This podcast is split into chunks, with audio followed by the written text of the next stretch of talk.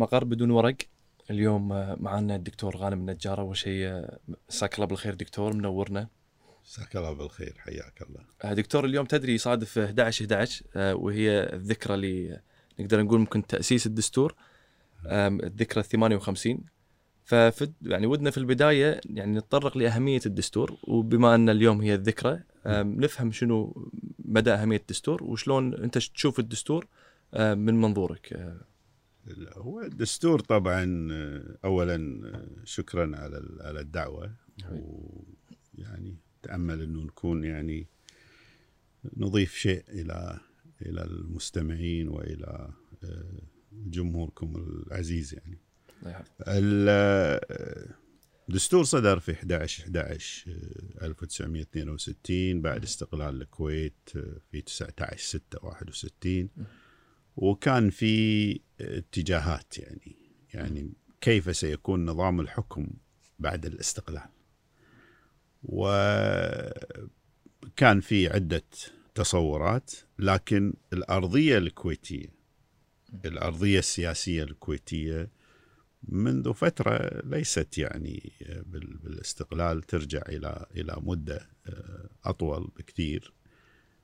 ربما كانت علامتها الفارقة 1921 لما توفى الشيخ سالم المبارك وبناء عليه آه، تحركت مجاميع شعبية كويتية إنجاز التعبير ورفعت عرايض تطالب فيها بإنشاء مجلس شورى والمطالبة ب آه، اختيار الحاكم بطريقة مختلفة. تم اقتراح ثلاث آه، مرشحين آه، للحكم يعني ما كان في ولاية عهد. آه، فلما توفى الشيخ سالم المبارك آه، وضع عبد الله السالم و أحمد الجابر وحمد المبارك كلهم صار كلهم من سلالة مبارك الصباح.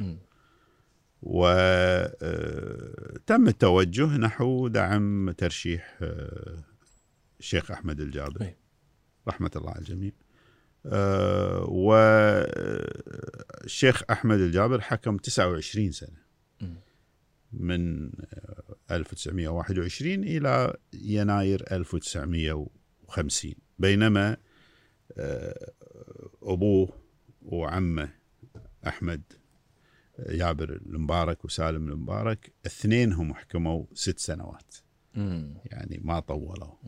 هو حكم 29 سنة. وبهذه الفترة بدايتها كانت إنشاء مجلس شورى ثم حدث فيها عدة عدة انتخابات كان منها انتخابات المجلس البلدي في 1932 مم. ثم المجلس التشريعي الأول 1938 لحقه مباشرة المجلس التشريعي الثاني اللي هو انتخابات ودستور. يعني لما نتكلم عن الدستور في سنة 62 إحنا ما قاعدين نتكلم عن حلقة آه، مقطوعة مو فجأة. طلع أي. عندنا دستور. في دستور.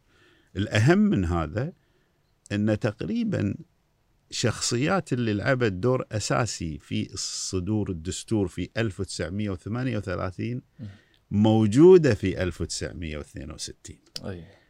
آه، رئيس المجلس التأسيسي عبد اللطيف الثنيان الغانم كان عضو في المجلس التشريعي في 38 صح. بل وسجن أربع سنوات ونص لأنه تم حل المجلس وهو كان من الناس اللي سجنوا. فأنت تتخيل واحد انسجن في ذاك الوقت يعود مرة أخرى ليصبح رئيسا رئيساً. للمجلس التأسيسي. جميل. الشيخ عبد الله السالم كان رئيس المجلس التشريعي في 38 صحيح. ثم لما صدر الدستور أصبح اميرا. فهذا السياق دائما أقول ما أقول دائما ولكن بشكل عام الناس ما تشوفه. صح. فيطلع لك بعض الناس ويتكلمون عن أنه فجأة جاء مندوب بريطانيا دخل الكويت وقال حق عبد الله السالم سو دستور وسو برلمان وسوى هكذا. هذا هذا طبعا في في افتئات على الحقيقة وفي تجاوز للتسلسل المنطقي الترابط المنطقي للأشياء الناس عندها هذا الدستور الدستور الكويتي في سنة 62 مم. آه، آه، يعني صدر عن مجلس منتخب هذا مهم ما صدر برغبة حاكم لوحده بل؟ دخل في مفاوضات. لما لما تقرر إن ندخل أكيد طبعا ال- الجانب الدولي والخارجي له دور. أكيد التجارب اللي حوالينا في العراق في الأردن اللي هي كانت دول في ذلك الوقت حتى 58 العراق كانت نظام ملكي وراثي والأردن ظل ملكيا وراثيا حتى هذه اللحظة. فهذه أنظمة أيضا كان لها تجارب في الديمقراطية وفي الدساتير. فما تتكلم أنت عن عن جمهورية الدومينيكان ولا عن عن تشيلي ولا عن هايتي ولا عن. دول دول قريبة منك ومجاورة وأنت على علاقة معها كان عنده هذا الموضوع وأنت تجربتك ماشية بهالاتجاه. فلما جت فكرة الدستور كان عندك أنت مخارج إما أن الشيخ عبد الله السالم وهو كان في ذاك الوقت شخصية محبوبة وشعبيا مقبولة كان أمامه إما إنه يطلع ويأخذ القرار ويقول بغينا دستور وهذا الدستور وتمشي ويصدره. وتنتهي ما ما راح يكون في اعتراض ربما تكون شوية أخذ وعطاء. آه، لكن ارتأوا كمجموعة شعبية من الناس الناشطين السياسيين في ذاك الوقت. والشيخ عبد الله السالم ارتأوا أن يلجؤون إلى الأفضل، ما هو الأفضل؟ الافضل أن يكون في مجلس منتخب يصدر الدستور. مم. فنشأ عن ذلك المجلس التأسيسي المجلس التأسيسي كان عبارة عن 20 آه، آه، مقعد وبالإضافة إلى الحكومة وتشكلت لجنة الدستور آه، من ال- ال- الأسرة الحاكمة يمثلها الله يرحمه الشيخ سعد. صح. ومن مجلس الأمة ولعب ال- ال- ال- آه، ال- ال- المستشار آه، القانوني والفقيه الدستوري دكتور عثمان خليل عثمان من من مصر. صح. لأنه مهم جدا نشير إلى هاي النقطة. لعب دورا اساسيا هو اللي وضع الصياغه هو اللي وضع صياغة الدستور بناء على معايير كثيرة لكن راح تلاقي فيها الروح الفرنسية. صح. آه، ولذلك راح تلاقي الجانب الحقوقي فيها بشكل عام جيد. يعني مم. الحقوق العامة ال- ال- كثيرة يعني ال- الحريات وغيرها وغيرها. و- وجرى نقاش يعني وهذا أنا يعني أنصح أن الآن متوفر. إي. محاضر لجنة الدستور كانت ممنوعة. صحيح. لفترة. إلى أن نشرتها جامعة الكويت آه، مجلة الحقوق يمكن يمكن 98 يمكن كذا آه، فبعدها أصبحت متاحة وبعدين طلعها مجلس الأمة في إصدارات وهي موجودة حتى على ال- يعني على على الاونلاين يعني. هذه اللي اللي يحب يست... راح يشوف النقاش شنو صار حتى على موضوع الجنسية. يعني هل الجنسية يحق سحبها ما يحق سحبها كلها تمت مناقشتها في في هذه اللجنة. ثم اللجنة بعد ما وصلت وطبعا ما كان في ما كانت سهلة. صح. كان النقاش عميق وقلت لك كان في هذا المستشار كان مستشار الحكومة أيضا قانوني آه، محسن عبد الحافظ أيضا آه، آه، يعني عطوا ال- ال- ال- الموضوع أهميته وصياغته آه، بناء أيضا على الحضور اللي هم كان الله يرحم الجميع كان سعود العبد الرزاق ويعقوب الحميضي وحمود الزيد الخالد آه، وعبد اللطيف الثنيان رئيس المجلس ورئيس اللجنة والشيخ سعد العبد الله. هذه اللجنة الخماسية مالت أي. ناقشت النص ومشت فيه ووصلت إلى ما نعرفه اليوم الدستور بحسناته وبنواقصه مم.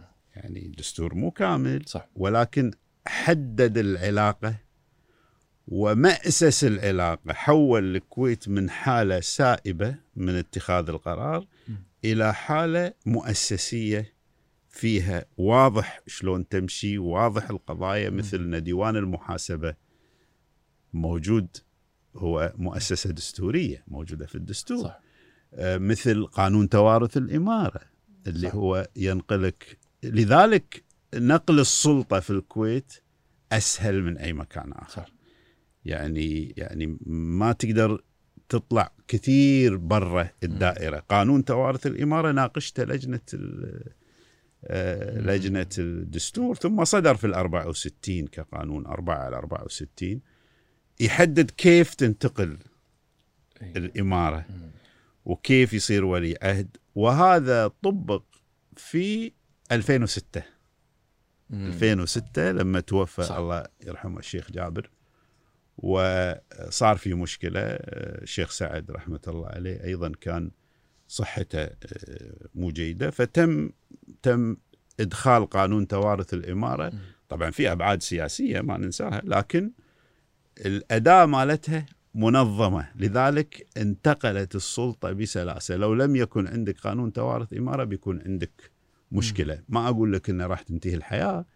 وبنفس الطريقة آه، دائما آه، لما يتصلون الناس من الخارج وكالات أنباء غيره غيره صحفيين أو أو ناس باحثين يسألون عن يعني ليش انتقلت السلطة بهذه البساطة؟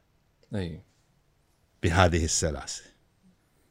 انتقلت لأن أنت عندك قانون والقانون يساعدك لما تحتاجه. أحيانا يكون في قانون موجود مثل مثل آه. مثل قانون الصحة اللي صدر 68 لما صارت أزمة كورونا اكتشفوا قانون غير مفعل موجود اللي هو يعطي صلاحيات لوزير الصحة صلاحيات كبيرة جدا في إيقاف الحياة هذا العامه كان مبني على القانون اللي ك... طبعا طبعا طبعا. أنت عندك أدوات قانونية عندك تشريع. موجود.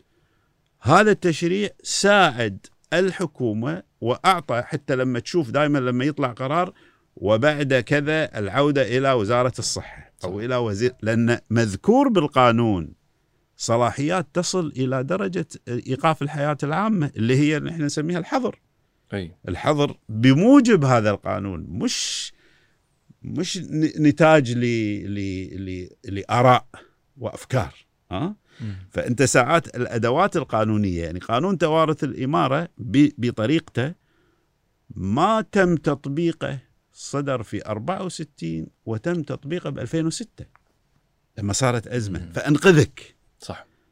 قانون توارث الإمارة وقانون توارث الإمارة قانون دستوري. قانون الصحة هذا مش دستوري يعني قانون عادي صح. يعني تقدر. شنو معنى يعني قانون دستوري؟ يعني عشان تعدله لازم تحتاج أغلبية دستورية. الأغلبية الدستورية الكويت الدستور الكويتي إحنا نسميه دستور جامد. ليش دستور جامد؟ تغييره صعب. أي. يعني عشان تحتاج تغيره تحتاج ثلثين أعضاء المجلس وموافقة الأمير. وهذه وموافقة الأمير. لا لا يعني إذا الأمير لازم- رده مو آه طبعا ما ما تصير.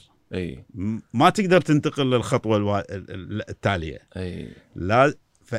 لأنك إذا بغيت تنقح الدستور نفس القصة. تحتاج أغلبية الثلثين والأمير مم. مع بعض. مم. ما تقدر أنت ثلثين أعضاء المجلس يعني في القوانين إحنا مثلا الحين تقول لو صدر قانون الأمير يقدر يرده حسب الدستور. صح.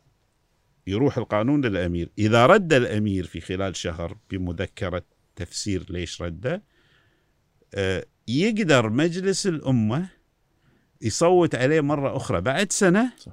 بأغلبية الثلثين. إذا حصل على أغلبية الثلثين يروح إلى أمير البلاد ويوقعه بغض النظر إذا كان موافق ولا مو موافق هل حصل هذا من قبل نعم حصل. حصل في في آه، قانونين لهم علاقة واحد له علاقة بالوظائف واحد له علاقة بال- بالتأمينات أو أو ما شابه إذا ما تخني الذاكرة. فالدستور صار عندك الآن ينظم العلاقة. الشيخ عبد الله السالم في افتتاح مجلس الأمة في سنة 1963 مع أنه هو أمير من 1950 مم. علشان يعزز هذا الموضوع في الجلسة الأولى أدى اليمين الدستورية. ما كان يحتاج. ما كان يحتاج صح هو رد أمير يعني ما كان يحتاج يعني أقصد هالشكل يعني لكن هو أدى اليمين الدستورية وبالتالي عطى عطى وزن ما صار في التزام من قبل الحكومة. مع الوقت لا هنا في ال في ال 65 في ال 66 بدأت تصدر قوانين مناهضة للدستور. قوانين سواء ال- ال- الجمعيات النفع العام قضايا تتعلق بالحريات العامة وقتها ما كان في حتى محكمة دستورية دكتور ولا؟ لا لا المحكمة الدستورية بعدين اي بس هذه منصوص عليها بالدستور المحكمة الدستورية نعم. إي. نعم، نعم. شلون جت عقب؟ فهمت قصدي؟ لا عقب لانك تحتاج وقت على ما تأسسها. يعني صح. أنت حتى المحكمة الدستورية الآن تحتاج إنك تغير القانون مالها. يعني أي. ما تخليها بهالطريقة اللي هي موجودة فيها. يعني هي هي ما يصير محكمة مشكلة من قضاة آخر عاديين. يعني أي. قضاة آه، هذا في تخصصاتهم. تجيبهم يج- يجلسون للمحكمة. لازم يصير في محكمة دستورية قائمة قائمة بذاتها يعني تخصص في أي. الدستوري أي. مش مش أي شيء يعني اللي هو حاليا السائد. فالدستور نقلك من حالة إلى حالة طيب الدستور أوراق آه، ما لها فعالية بذاتها يعني هي أوراق وأنتم بدون ورق يعني فراح ندخل في ندخل في مشكلة اي ف فهي أوراق. إذا الأوراق هذه ما لقت واقع. تتنفذ على ضوءه يصبح ما لها قيمة. صح. يعني وبالتالي ال- العدوان أو الاعتداء أو الإخلال إنجاز التعبير بالعقد الاجتماعي. ما هو الدستور يسمونه في نظريات العقد الاجتماعي مال جان جاك روسو توم- توماس هوبز وجون لوك وغيرهم يعني. آه، يقول لك أن هذا عقد بين ال... بين بين طرفين. هني يصير بين حاكم ومحكوم أسرة حاكمة وشعب وبالتالي هذا العقد آه، يفترض الالتزام فيه.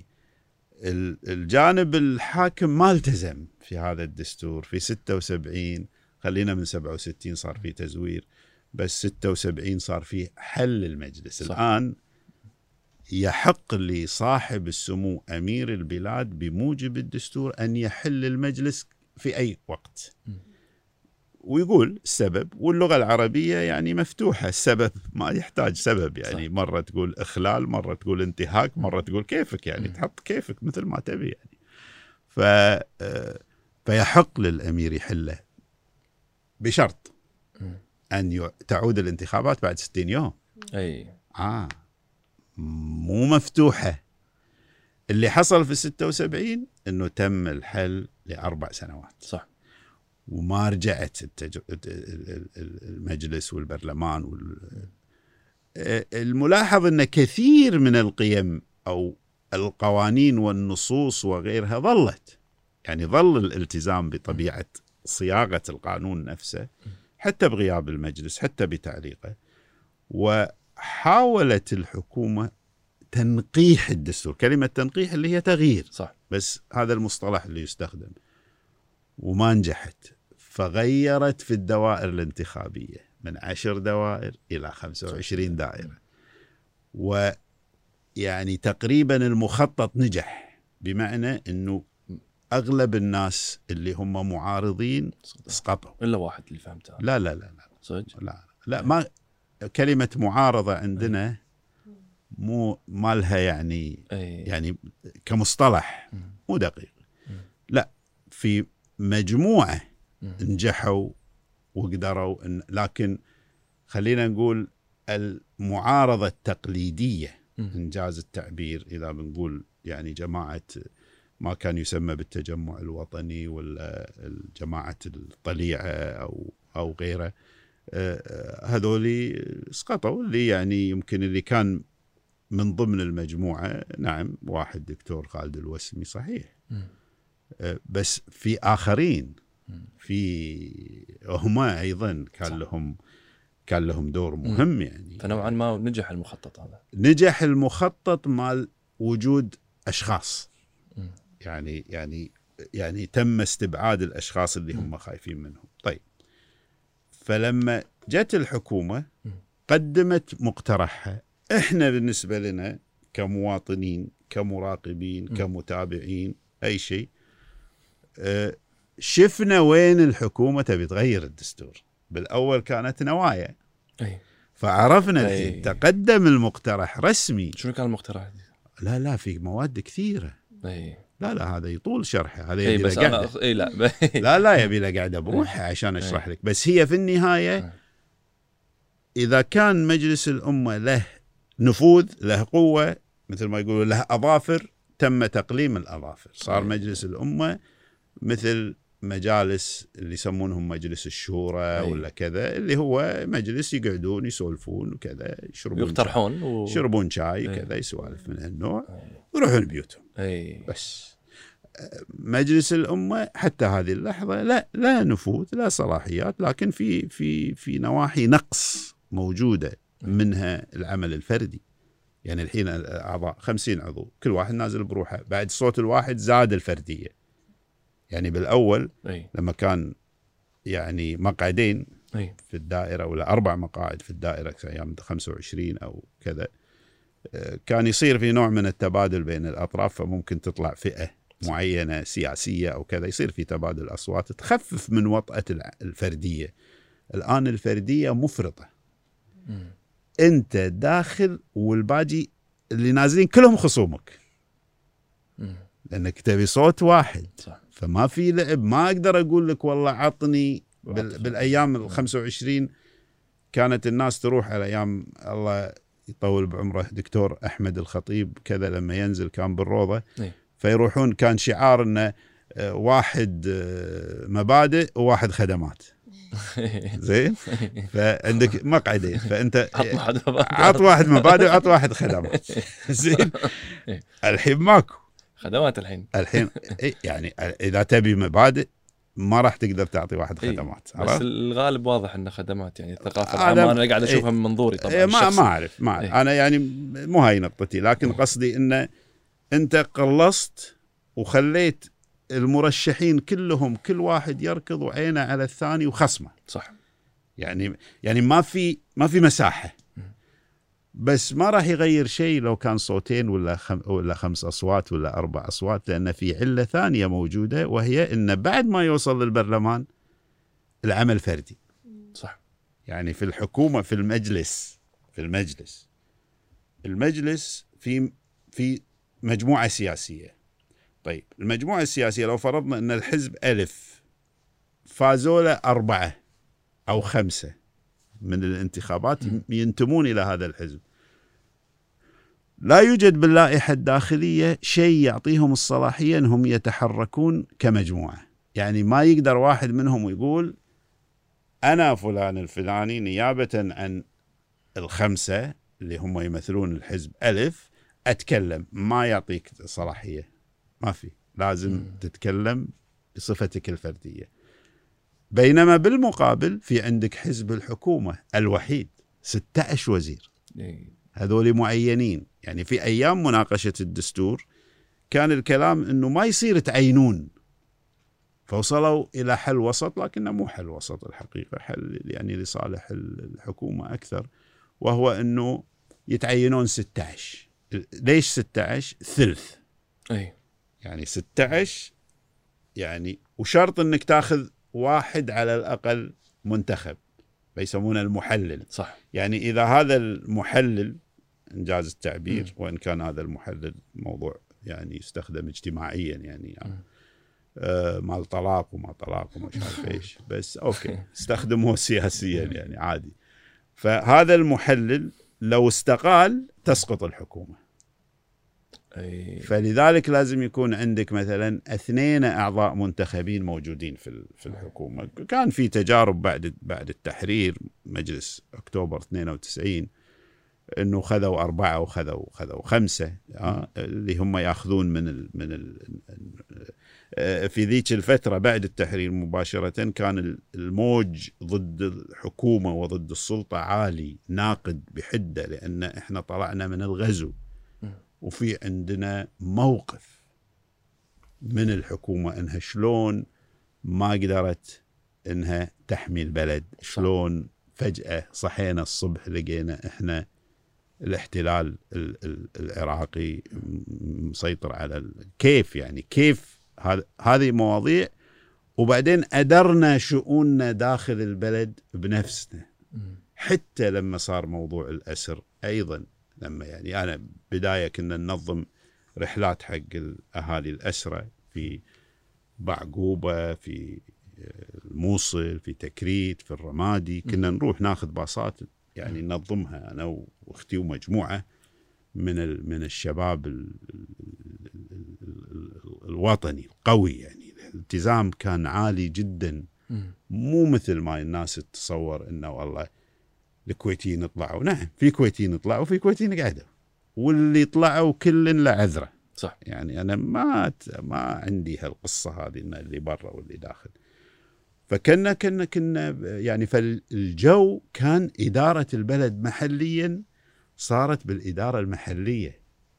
قمنا نجرب شو نسوي. وقدرنا نتصدى لسلطات الاحتلال بإبداع تهني مؤسسة الإبداع تعال شوف الإبداع. أيام الغزو شلون كان الكويتيين وكذلك ال ال الوافدين اللي ظلوا معانا كثير من الوافدين صح. اللي ظلوا معانا كانت لهم مساهمات يعني. مهمة وأساسية وبعضهم بعضهم استشهد يعني. ف فقدرنا بإمكانياتنا المتواضعة. مش بإمكانياتنا يعني بس كيف تتصدى ل ففي ذيك التجربة كان الجو في 92 أكتوبر 92 قوي ضد إيش سوت ال- الحكومة أو السلطة؟ خذت خمسة. أو أربعة إذا ما تخني الذاكرة من ال ال الاعضاء المنتخبين واختارت ناس أقوياء. يعني لهم وزنهم لهم وزنهم داخل البرلمان أي. وعلاقاتهم أي. علشان تخفف من وطأة الهجوم اللي بيها ونجحت في هذه. المسألة يعني مثلا آه، الغزو بعد غزو مو حادث سيارة مو والله في بناية احترقت غزو راحت البلد كلها يعني ها صح آه، ما يصير ما تتشكل لجنة تحقيق فظلت الحكومة بسبب إمكانياتها بالنواب اللي عينتهم كوزراء قدرت تقنع المجلس إنه يسمونها لجنة تقصي حقائق بدلا من لجنة تحقيق. أي. وهذه استمرت كذا. طبعا عملها جيد لا لا جدال في ذلك لكن حتى اليوم لا يعلن التقرير الرسمي. أي. وهذا خطأ. أي. هذا خطأ. أكو طبعا تسريبات موجود إذا تدخل على النت راح تلاقي. مم. أنا أقول مفروض هذا يصدر بكتاب عن مجلس الأمة. مجلس الأمة يقول هذا هو التقرير الرسمي عشان لا حد يلعب فيه. صح. يقولون هذا هو التقرير الرسمي بالكامل. وهذا الكلام يعني يعني كان بلش بلشوا فيه من 92 غلط تصير. فأنت لما تتكلم عن الانتقال إلى العملية الدستورية راح تلاقي يعني صعود ونزول وأحيانا انكسار حاد 76 81 فشلوا في تنقيح الدستور فشلوا لأن المجلس كان على وشك إنه يرفض مع نجاحهم في إيصال العناصر، العناصر أي. نفسها أي. كانت تقول حق الحكومة اللي هي موالية للحكومة، تقول لهم ترى في ضغط علينا، ضغط شعبي ولذلك إحنا نرجوكم سحبوا. هذا بعد تعديل ال 25 دائرة و... نعم إي. بعد تع- ما هو بعد ال 25 دائرة مباشرة الحكومة عرضت إي. ويان لهم والنواب يان لهم. ضغط من.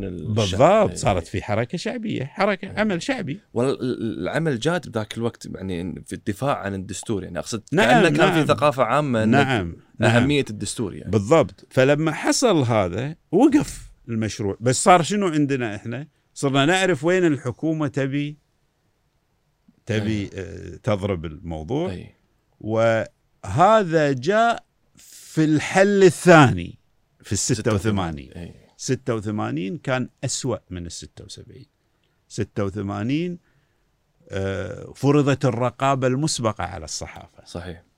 يعني هذا هذا هذا هذا يعني حقبة كانت سيئة.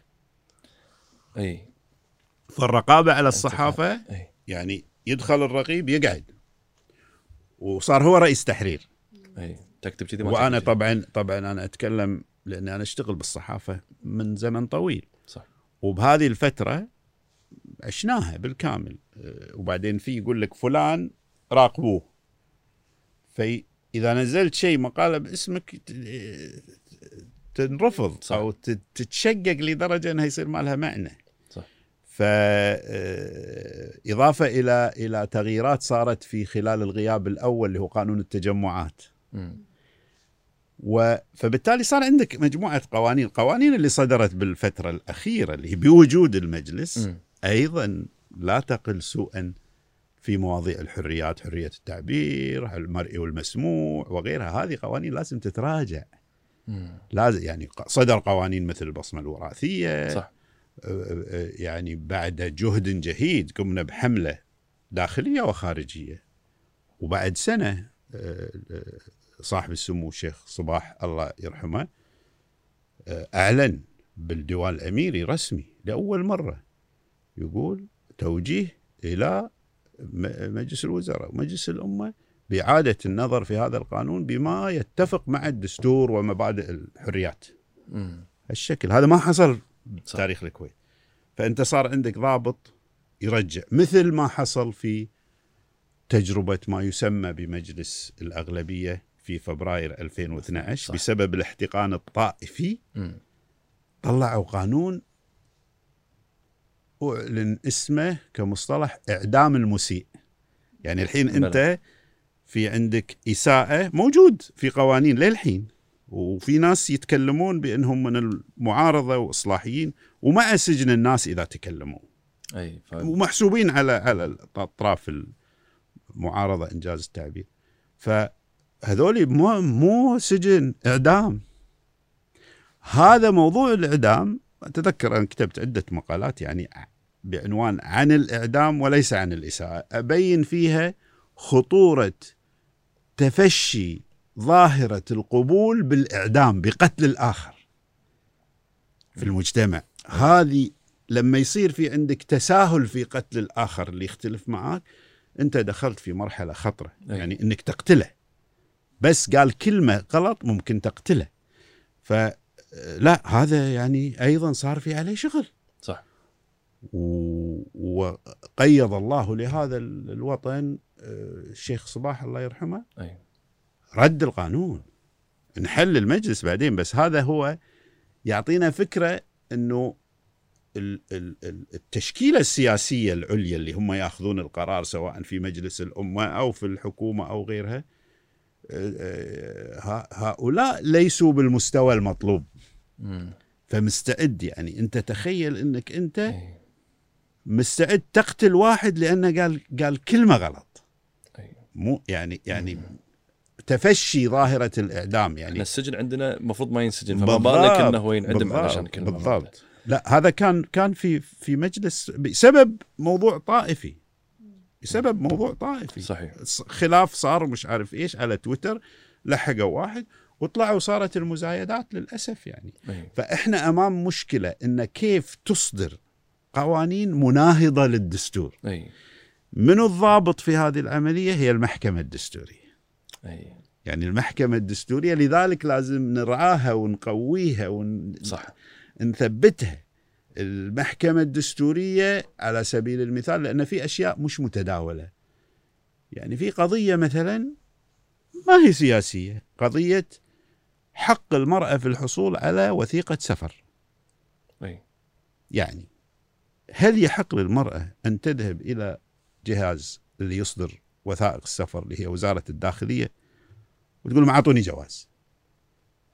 فالقانون سابقا القانون يقول لازم بولي الأمر أو الزوج أو كذا. زين؟ فحصل مشكلة بين يعني آه، زوجين. والزوجة أرادت هذا الزوج كانوا على علاقة غير يعني وثيقة. ورفض يوافق راحت للمحكمة. مم. المحكمة العادية المحكمة الإدارية في هذه الحالة ذهبت فيها للمحكمة الدستورية. المحكمة الدستورية ما طولت في النظر فيها وألغت ألغت ال- ال- القيد. وأصبح منذ ذلك عارف وين الجانب إي- المؤسسي ها؟ علشان الناس ما تتكلم كله سياسة. صح. هذا حقك في الحصول على وثيقة سفر. أحصل عليها ولا ما أحصل عليها؟ أه okay. في جامعة الكويت. وأنا عضو هيئة تدريس. ما في ما, ما في داعي أقول لكم إيش كثر يعني. ما شاء الله. ها؟ قبل توني يطول بعمرك توني ثلاث من ثلاث سنين أو أربع سنين. زين. هذه الجامعة ارتكبت خطأ مخالفة دستورية واضحة في سياسة القبول. لأن البيروقراطي اللي قاعد على هذا يقول يا أخي شو أسوي؟ عندي عدد البنات زايد عن عدد الأولاد. أي. لازم أخ... فش أسوي؟ أخفض أرفع نسبة القبول بالنسبة للبنات أي. ونزل نسبة القبول بالنسبة للأولاد. هذا بالنسبة للبيروقراطي حل المشكلة. صح. بس هو خالف مبادئ دستورية ذات موضوع الماده 29 من الدستور. بس هذه ما فيها كوتا دكتور؟ لا ما لها علاقة بالكوتا. انت مو على كيفك تحط كوتا. لا في جامعات برا يحطون كوتا لاعراق معينة. لا لا لا هذا غير. هذا اللي يسمونه اللي يسمونه affirmative action. أي. كان في فترة زمنية معينة والآن هذا كله قاعد قاعد يروح. قاعد يروح. أي. انت مثل ما تسوي الكوتا حق المرأة في الانتخابات. صح. يعني تقول انت مثلا ال- المرأة ما قاعدة توصل. صح. وهذا صحيح. بس في 2009 وصلت بدون كوتا يعني مخالفة لكل لكل الأقاويل ها؟ يمكن تزيد يحتاج تطور اجتماعي. في مجتمعات كثيرة يعني الصومال اللي أنا أعرفها جيدا وأشتغل عليها في 30% مم. كوتا حق المرأة في البرلمان. بس البرلمان البرلمان شلون يجي موضوع ثاني. اي لكن هذه الكوتا اي ممكن تحطها. علشان شنو؟ علشان فئات لا تستطيع إنها توصل. مثل لما تقول لي الكوتا في التوظيف في الأمم المتحدة. كوتا في تو... إنه من هالمنطقة ومن هالمنطقة ومن هالمنطقة فتعطيك كو... على أساس إنك تقول أنت أمم متحدة لازم يصير فيها تنوع. صح. دولي مو بس من بلد معين.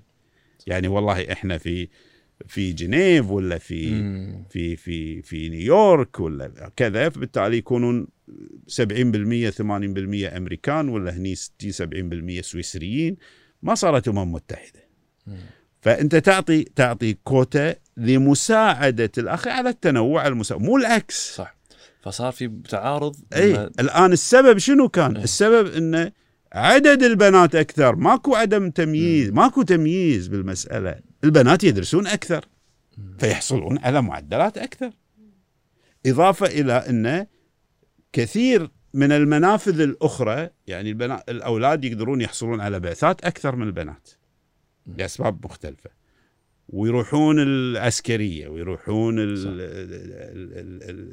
الداخلية ويروحون مدري وين. مو كلها مفتوحة لل- للبنات. صح. فأنت إيش سويت؟ أنت عاقبت المتميز. أي. عرفت؟ طيب أنا قاعد أقول لك المشكلة الحين. وك... وكافأت ال... إي إي إي. ب- فأنا شنو قاعد أقول لك؟ أنا ما قاعد أقول لك الآن يعني أدافع عن هذا أو أدافع عن ذاك، أنا قاعد أقول لك هذه السياسة كانت مطبقة. أي. برأي بيروقراطي، رأي واحد كل اللي عنده بيقول الورق سليم، مرة أخرى رجعنا على ال- على الورق وبدون ورق، زين؟ كل اللي يبي يقول لك إنه الورق مضبوط أي. الحسابات مضبوطة. أنا أقول أن 70% 75% من الجامعة بنات وأنا بسويها 50 ب 50 أي. مو مطلوب هذا. صح. مو مطلوب. لما تقول لي إن في مشكلة اي في مشكلة حتى في اليابان صارت قبل قبل فترة. سنة اكتشفوا إن واحدة من من من جامعات الطب المتميزة كانوا يسوون يغشون في في أوراق ال- المتقدمات. لهذه الكلية علشان ما يزيد عدد البنات في اليابان. وبس هذه عليها الآن محاكمة وعليها كذا وإلى آخره وهذا موضوع ثاني. أنا اللي, اللي بوصل لك مو هذا. مو بقول لك إن هذا صح ولا هذا خطأ ولا بنتقد السياسة ولا بعطي مبرر. أنا بقول لك شلون انحلت. شلون انحلت. صار لنا طول هذه الفترة تحدث مع عدد من وزراء التربية السابقين وعدد من مدراء الجامعة كلهم كانوا يقولون آه ما يش... ما ي... ما ياخذون اكشن. اللي حصل إن في طالبة راحت الحين أتوقع إنها تخرجت إيه. ها راحت هذه الطالبة قدمت إلى كلية طب الأسنان كلية طب الأسنان طبعا اللي تطبق عليها هذا النظام هي كلية الهندسة كلية الطب البشري وكلية طب الأسنان. مو كل الكليات. صح. هذا مو كل الكليات. يعني موجود يعني بتاع كلية التربية أغلبها بنات يعني. ف آه، فاللي حصل إنه قدمت فطبقوا عليها هذا الموضوع. اي وحطوها في كلية أخرى. أظن كانت كلية الصيدلة. الفرق إن هذه البنت لم تقبل هذا الموضوع. جميل. وراحت حاولت حاولت الإداري البيروقراطي ردوها سفهوها يعني ما أعطوها. راحت المحكمة. المحكمة حكمت ببطلان هذه السياسة واليوم غير مطبقة. بناء على الحكم. بناء على حكم المحكمة. المجتمع يتحول إلى مجتمع حقيقي عندما يرفع المظالم عن المظلومين ايا كانت المظلومية. سواء بحقي بالوصول إلى شيء أو بحقي بالحصول على مساواة مع الآخرين عدم تمييز. هذا هو المجتمع اللي اللي يخليك أكثر استقرارا. مجتمع الظلم يؤدي إلى تهميش جماعات وبالتالي توقع الانفجار بأي لحظة. صح. كل ما ز... ال... ال... ال... ال... الحبكة السحرية هي العدالة. بمعناها العام. طيب كيف تطبق العدالة؟ مش بس بالمحكمة طبقها بال... ب... ب... أنت عندك مشاكل ال... الاكتئاب ومشاكل الحالة النفسية الصعبة والناس كذا. تصير ليه أغلبية الكويتيين هذا طبعا مو موجود في كل دول العالم بس أغلبية الكويتيين آه، يشتغلون في الحكومة. صح. يعني 90% يمكن 92% ما أعرف. معناها شنو؟ إن احتكاك الناس في بعضهم. بخلاف الاحتكاك عائلة مع بعض ولا أصدقاء ولا كذا مجبور عليه هو احتكاك في مكان العمل. مكان العمل هو المكان اللي يحتكون فيه الناس. وأكثر الصراعات وأكثر النزاعات وأكثر المشاكل تصير في مكان العمل. أكثر الصراعات اللي تصير أنا حاسبها تصل إلى 80 90% بالكويت هي فلان ترقى وأنا ما ترقيت. تعين فلان على قولتهم يستخدمون التعيين بالباراشوت يجيبونه من صح. برا كذا. هذه مواضيع مفروض إنها تحسم بشكل عادل ها؟ بس هي أكثر المشاكل اللي موجودة في المجتمع أكثرها. صح. موجودة في جسمه فلان كذا فلان ما أعطاني حقي أنا عندي علاوة فلان كذا أعمال ممتازة عطوا فلان ما عطوا فلان. لو بقعد أعطيك اللستة صح. القائمة تقليدية موجودة عند الجميع. فأنت هذه اللي حصل أعطيتك أنا. مثالين. تمييز صارخ ضد المرأة في عدم منحها جواز سفر. ما حد شو اسمه حتى أنا عندي بعض طالباتي مرة على أثير الموضوع عندي أنا بال بال بال بال جامعة بالجامعة بمحاضراتي يعني. فمثلا تقول لي واحدة من البنات تقول لي أنا والله إي أنا كنت بروح. ويتضح إن عدد مو قليل. أنا كنت بروح الكلية الفلانية ولكن ما أعطوني مع أن أنا نسبتي تدخلني دخلوا ولد بدالي واضطريت إني أنا اي هالصوب ولا أروح هالصوب أو أو أغير كليه وبالنسبة للجوازات السفر نفس القصة. بس صح نفس الجوازات السفر شنو حصل؟ اللي حصل انه صدر حكم. هذا حكم محكمة دستورية ملزم انتهى الموضوع خلاص, خلاص إيه، نهائي. إيه.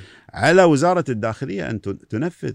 قاموا مثلا أثرت الموضوع مرة لأن هذول علامات فارقة مهمة جدا. لأنك أنت لما تتكلم بالعموميات أي. ما حد يفهم إيش قاعد تتكلم عنه. لو أجيب لك مواد الدستور كلها وأقعد أشرحها لك وأقول لك يا هذا يعني كذا ويعني كذا ما تعني شيء للآدمي.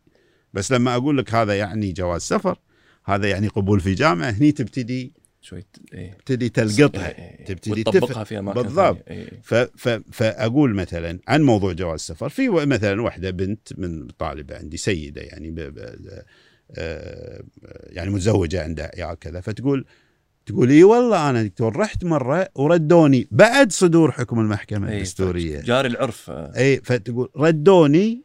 ما كان في سبب بس كان زوجي مسافر. أول ما رجع رحنا سويناها وخلصنا. هذا أدى إلى شنو؟ إن في منتسبين بين قوسين يسمونهم منتسبين يعني ضابط ولا كذا لوزارة الداخلية المسؤولين. يا إما ما وصلهم التعميم ما يدرون عايشين على النظام القديم أو إن هم ما عندهم رغبة. بس ابي ابي أبي اضايقها مش حقه تأخذ كذا. فقام أحد النواب في ال- أظنها المجلس أو المجلس اللي قبله ما أذكر. بتوجيه سؤال لوزير الداخلية. طلع وزير الداخلية بتصريح رسمي. قال إن على كل منتسبين وزارة الداخلية إصدار جوازات للمرأة عندما تطلبها. عشان عشان لا يصير في لخبطة. فأنت شايف أنت وين المحكمة الدستورية أنصفت أنصفت كل النساء؟ عرفت؟ كلهم. بس يجيك هذا ما ينفذ. طيب شو تسوي له؟ لازم لازم المسؤول يلزمه في أنه ينفذ. بعد فترة خلاص خلاص تصير أمر إيه، تصير أمر. عادي تصير. أمر عادي طبيعي. شنو المشكلة؟ مثل قضية حقوق المرأة السياسية. اي يعني حقوق المرأة السياسية من الأساس كان مفروض نخلص منها. كاي 2005 مشت. مم. وما مشت بالساهل لأن في ناس من اللي مع ال- اللي بين قوسين إصلاحيين ضد حقوق المرأة. إحنا هذه في مشكلة. الحين ما إصلاح هم من قيادات الإصلاح ضد حقوق المرأة.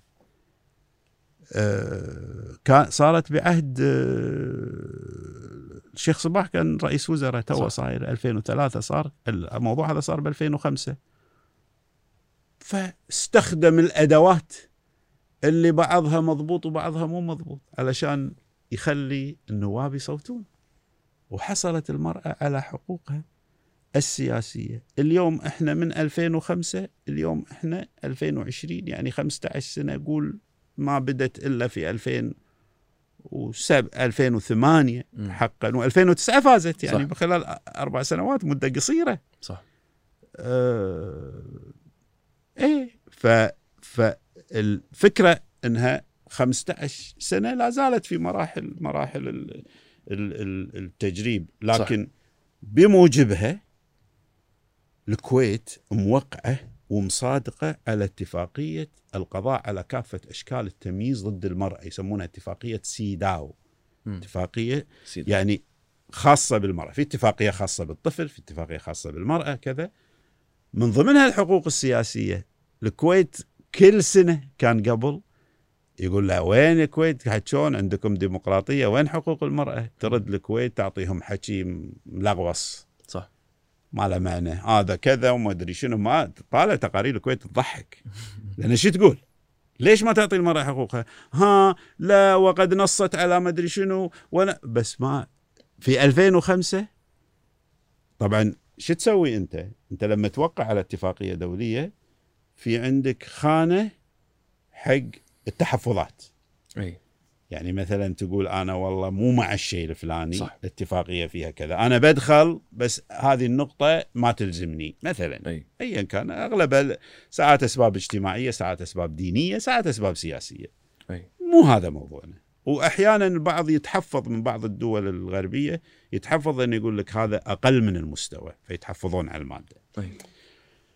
فكان من ضمن المواد المتحفظ عليها قضية حقوق المرأة السياسية. وي. 2005 الدولة الحكومة ممثلة بوزارة الخارجية مباشرة أرسلت رسالة إلى إدارة الاتفاقية. كل اتفاقية يصير عليها يسمونها تريتي بادي ها؟ مثل مجلس إدارة الاتفاقية. الدول اللي دخلت فيه يسوون مجلس إدارة. أه، ترسل لهم رسالة تقول فيها أن إحنا رفعنا التحفظ. فصرت أنت جزء من المجتمع الدولي. اللي يرى بالمرأة خير ويرى أنها كفاءة لكي تصبح شريكة للرجل في إدارة المجتمع. صح. مش ما ما لها ما لها شيء. وبالتالي يقل ال- ال- ال- المجلس اللي قبل 92 مجلس 96 أنا أتذكر إنه شفت بعض المضابط مالته كان بعض النواب يست- يستهزئون بالمرأة. صح. الحين ما يقدر. الحين ما يقدر صح. يعرف المرأة المرأة وراها صوت. ما يقدر إيه. شو المضحك. بالموضوع إن ذول اللي كانوا معارضين اي لحقوق المرأة هم أول ناس شكلوا لجان نسائية صحيح. علشان يحصلوا على, الحين على بعد ما- صوتها نسائيه دكتور قوية؟ نعم. تقول لهم النساء. إي. إيه. صوتوا بعد شو تسوي؟ يصوتوا لهم آه، بعد هذا هذا أمر. ما لنا ندخل فيه لكن القصد إنه إيه. هو كان ضد. يعني واحد منهم آه، الحين ما عاد عضو من من زمان. كان يقول هذا القانون قانون المرأة ما راح يفوت إلا على جثتي. اي فات قانون المرأة وما شاء الله جثتها ما صار فيها. موجودة ومرأة إيه، طيبة. لا جثتها طيبة وأمورها طيبة ومن أحسن ما يكون يعني. هذا هذه السياسة. صح. السياسة ما فيها يعني في فرق ما بين ال ال أي. لذلك يصير في دائما تداخل في موضوع العقائد وموضوع الدين أي. والسياسة لأن السياسة نسبية والعقيدة مطلقة. أي. السياسة نسبية. أنت اليوم يمكن تأخذ موقف باكر ولو بتشوف تصويتات النواب راح تلاقي النواب صوت على هالقضية وقال لك يعني مثل قضية المقاطعة أي. بعد ال- صح الصوت الواحد. صح. لو تشوف الناس تصريحاتها لن ولن ولن ولا يمكن وصل الناس اللي بيشاركون إلى مرحلة البهتان والكفر. أي. بعدين نفسه هذا نزل انتخابات. بي نزل. إي. عرفت؟ هاي السياسة. هاي السياسة بس هو عادة السياسي ممكن يحط له خط رجعه يعني يقول إيه. أنا ما راح أنزل إلا بأنطر حكم مثلا ساعات إيه. ساعات بس بس ساعات يصير ما يعني في هذا الموضوع ما حطوا لهم خط رجعه إيه. بعض ال- بعض إيه. بس بس هذا أمر طبيعي طبيعي أمر طبيعي في العملية السياسية طبعا كل ما كان الكيان السياسي ضعيف اللي هو عندنا هني إحنا إيه. كياننا السياسي ضعيف لأنك أنت معرض للحل معرض لمش عارف إيش كذا من طرف واحد أنت كذا. ال ال ليش ضعيف؟ لأن ما في قوة. يعني يعني هي السياسة هي دراسة ظاهرة القوة. فبالتالي لما تدخل أنت في في عملية سياسية من الطرف الأقوى ما في حد يقدر يكون أقوى من الحكومة. صح. ما في. يعني الحكومة توظف 94 تملك 100% من الدخل. لها حق احتكار الأمن. مم. ماكو واحد يقدر يفتح له دكان شرطة. تلاقي له عنده سبع سبعة شرطة يمشون وكذا مش عارف إيش يصير ما يصير ها؟ ماكو واحد يقدر يحط له محل آه، سلاح خاص ماله. صح. هذا موجود في أمريكا ها؟ موجود مثلا ملكية السلاح في اليمن تكلم عن واحدة من أعلى الدول اللي تملك تملك سلاح. آه، آه، وغيره في دول ماشي. بس هني بالكويت لا منظم. ما تقدر. مو من ما تقدر. إذا إذا تم القبض عليك وعندك سلاح غير مرخص أنت خالفت القانون. صح. تعاقب.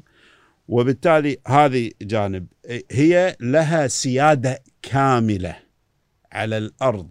الكويتية. ما عندك أنت سيادة. أنت ما راح تيجي تقول والله أنا عندي علم بحطه. أبي باخذ لي قطعة في في في في في الصبية ولا مش أنا هذا كذا. بحط لها سور وبحط لي مدري شنو.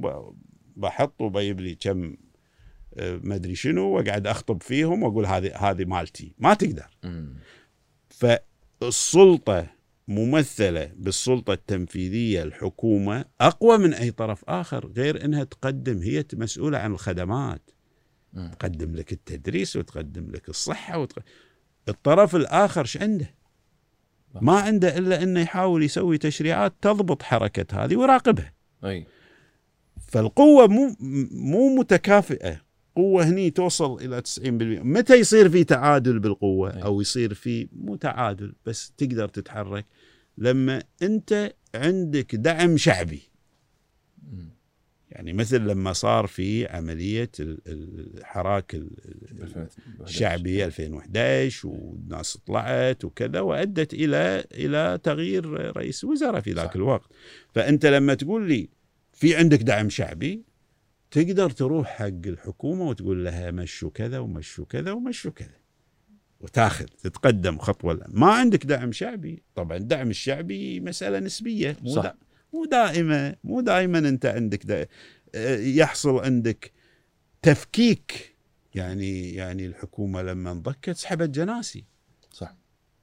إيه يعني دخلت مسألة خطرة. أوكي في ناس رجعتهم في مش عارف إيش. المشروع مال سحب الجناسي كان أكبر كذا لكن لا زال في ناس مسحوبة جناسيه صح. ما يجوز. ما يجوز. وهذا يحدث لأنه هو الطرف الأقوى. لو ان في طرف آخر يعادله بالقوة صح ما ي... ما ي... ما يصير غير. إيه. لذلك هذه الوضعية تضعف العملية السياسية. فما بالك إذا كانت الأطراف بتعدديتها مو مسموح لها أنها تشتغل بشكل جماعي بمعنى ماكو قانون للأحزاب. أي. والدستور ما يمنع هالشيء دكتور. لا لا بالعكس تكلم عن الجماعات السياسية. أي. تكلم عن ال- ال- المشاورات. يعني الحين شوف بعد الانتخابات مباشرة راح يصير في مشاورات التقليدية لتشكيل الحكومة من ضمن الجماعات السياسية. أعضاء البرلمان المجلس ال- رؤساء المجالس السابقة. وال...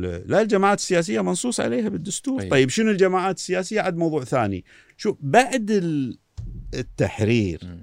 في آه، مجلس أكتوبر 92 والمجالس اللاحقة بدأت تطلع عندنا ظاهرة جديدة إحنا أنا كنت أشوفها كمراقب للعملية السياسية إنها ماشية بالاتجاه اللي يسموها الكتل مم. فداخل المجلس صار عندنا كتل كتل اي هي قريبة يعني من جماعة إيه أوكي بس ما ما هي موجودة باللائحة الداخلية صح, صح. ما ما ما بس تنظم. يصير أنا لما أي أبي أصيغ قانون بدل ما أروح مثلا حق فيصل حق منيرة حق مش عارف مين كل واحد بروحه وأقول له توافق ما توافق مم. لا هذه الكتلة فيها سبع تنفار في عندها متحدث هم يقعدون مع بعض ويعطوني الزبدة. إي أحسن كذي. أرتب وأسرع. بالضبط. إيه. فيقولون لي كذا وأعرف بدل ما أدخل في قصة حق واحد واحد. تهيؤات. إي إي.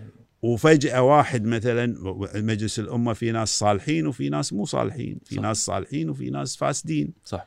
فأنت ممكن بعض هالطريقة التقليدية أنه والله بتي وبالطمعة تقول للحكومة نبيك تسوي كذي نبيك تصوت معانا بالشيء الفلاني. قل لهم والله كذا يعطونه إي. يصوت. آه، إذا صار في عمل كتل وجماعات الموضوع هذا يقل. ما ينتهي لأن الفساد للأسف موجود, موجود. موجود إي. وصعب إنك أنت تنهي لكن يقل. اي يقل. هذه الكتل السياسية مشت مشت مشت مشت حتى وصلوا لنا مرحلة كانوا يتكلمون عن تكتل الكتل. اي اللي هو تقريبا ثلاث أربع كتل كتلة العمل الوطني كتلة العمل الشعبي آه، كتلة مثلا ال ال- ال- الكتلة ال- ال- العمل الإسلامي أو الإسلامية أو كذا. آه، وصار في عندك ثلاث أربع كتل. فوصلت درجة ال- الفكر المتقدم بانه يسوون شيء تكتل الكتل علشان يصير في مفاوضات. القانون الفلاني يمشي ولا ما يمشي ولا كذا. بعدين تفركشت صح. للأسف يعني طبعا أنت عندك حل آخر اللي سووا البحرين أيضا تراجعوا عنه للأسف اللي هو ال- ال- الجمعيات السياسية مم. يعني الآن أنت جمعيات النفع العام كل جمعيات النفع العام مم. آه، آه، تخضع لقانون آه، يعني قديم قانون ماني قايل عنه كلمة إلا أنه قانون متخلف. يحتاج تعديل يمنع الجمعية من العمل بالسياسة بدون تحديد. طيب هذه الجمعية عندها قانون. أنا ماني رايح بعد على الجانب السياسي أقول لك جمعية المعاقين مثلا. قانون الإعاقة. جمعية المعاقين أصحاب مصلحة. إذا راحوا حق أعضاء مجلس الأمة وبدأوا يتحركون ومش عارف هذا عمل سياسي. أي. يمنع هالشيء ولا أنا قاعد أتكلم عن اي إن حسب يقدرون إيه. وزارة الشؤون. ووزاره الشؤون هذه قصتها بروحها قصة. آه، إنه يقولون لا هذا عمل سياسي سياسي. لأنه ماكو مو محدد. صح. مو محدد. صح. بس إذا سويت لي جمعية سياسية يعني أنا طبعا أقول إن هذه الفقرات تتعدل وتنشال. صح. ما تحطها لي هذا يابو يابو يابو من مصر. صح. بالضبط يعني أنت ليش تحطه؟ تحطه لأنك تبي تسيطر وما تبيهم يطلعون في ال... ال... الثقافة بالكويت الثقافة السائدة بالكويت ما تقبل هالموضوع. فكثير من الجمعيات اللي عندنا يشتغلون في العمل السياسي المباشر. أي. بمعنى بمعنى إنهم ينظمون مهرجانات ندوات سياسية يناقشون قضايا سياسية عامة بعضها أحيانا مو شرط تكون من اختصاصهم. و- و- و- و- و- وهذا الصح. أي. هذا الصح. بالأول قبل لا تطلع هذه الجمعيات كانت الأندية الرياضية. الأندية الرياضية فيها شق ثقافي وسياسي. يصير فيها ندوات ويصير فيها كذا. هذا يعطي المجتمع حيوية. صح. مو العكس. ما راح يح... ما راح يسبب لي مشكلة. صح. بس في عقلية الهيمنة على المجتمع. إنه لا ما أسمح لهذا ما أسمح لهذا. وحصل في تدخلات من قبل وزارة الشؤون كانت كانت آه، يعني خارج نطاق الدستور أصلا مش صح. بس خارج نطاق القانون صح يسوون اللي يبونه يسوون اللي يبونه. الحين دكتور أنا ودي صراحة الحين فهمنا هذا شلون شلون أشرب الماء هذا؟ تبطله في يمك جلاس ها؟ في جلاس يمك فاضي. إي شكله يخرع. فاحط هذا بالجلاس أوه سهل. إي سهل سهل. زين. okay. العافيه دكتور. إي. أقول لك دكتور إحنا الحين هذه كانت مقدمة خلينا نقول للدستور وأهمية الدستور وصار عرفنا شنو شلون الدستور ينظم العملية الاجتماعية والعقد الاجتماعي. نعم. الحين في الفترة القادمة دكتور إحنا خاصة يعني مقر بدون ورق اللي مس- مسوينه الحين وهو مقر توعوي آه، سياسي للفترة القادمة. الحين في ناس تتساءل دكتور تقول لك شخصيه الكويت السياسية الخارجية. وانت ذكرت في لك محاضرة وقلت إن إحنا يعني نمتاز ولا إحنا يعني عندنا القوة الناعمة مم. أو ال soft power إحنا ككويت هل واجب علينا بالفترة الجاية نحافظ على القوة الناعمة نعززها هل هي أصلا يعني في ناس تقول لك والله ممكن تكون خطرة لنا مع التطبيع اللي صاير اللي قاعد نشوفه. ممكن القوة الناعمة هذه إن إحنا نكون في مقدمة القضايا الاجتماعية والقضايا الإسلامية ولا العربية. نعم. آه، ممكن هذا يضرنا في الفترة الجاية أكثر مما هي تفيدنا. أنا ودي صراحة أسمع وجهة نظرك دكتور في في هذا الموضوع وشخصية الكويت آه، في طريقة خلينا نقول واجهة الكويت آه، المجتمع الدولي يعني. شوف لازم أول شيء يتوصف الكويت دولة صغيرة. والدول الصغيرة لها سياسات معينة يعني. طيب في دول صغيرة مم، قوتها مستمدة بالكامل من اتكائها على دولة قوية. وبالتالي هذه الدولة القوية هي اللي تقوم لها بشغلها بالكامل. لغاية الاستقلال مع أن الكويت ما كانت ما كان موجود فيها جيش. ما كان فيها جيش أجنبي. ما كان فيها قوات أجنبية كانت الكويت تدير نفسها بنفسها باستثناء العلاقات الخارجية. يعني العلاقات الخارجية كانت بريطانيا. في ال في ال في آه، قبل ال 61 بال 67 بريطانيا يعني أعلنت إنها ستغادر الخليج في سنة 67 وظلت عندها شوية آه، يعني المنطقة ككل يعني وكانت الكويت هي بالونة الاختبار لأنها سنة 61 استقلت. بوجود بوجود حركة شعبية سياسية تدعو إلى التحرر والاستقلال وما شابه وبوجود شخصية مستنيرة مثل الشيخ عبد الله السالم. كان هذا الاتجاه ماشي نحو الاستقلال. فاستقلت الكويت في ال 61 وبالتالي آه، صار عندنا أول تجربة أول محك كان الاستقلال وقيام عبد الكريم قاسم زعيم العراق بالمطالبة بالكويت والقول بأن الكويت قضاء سليم تابع لولاية البصر وأن بالتالي هي ما لها حق تستقل. فهذا أول اختبار. هذا سرع من عملية التحول السياسي. أي. لأنه صار عندك ضغط. النقطة اللي أنا بوصلها إنه وين راحت الكويت؟ راحت في اتجاهين. اتجاه الجامعة العربية واتجاه الأمم المتحدة علشان تثبت وجودها.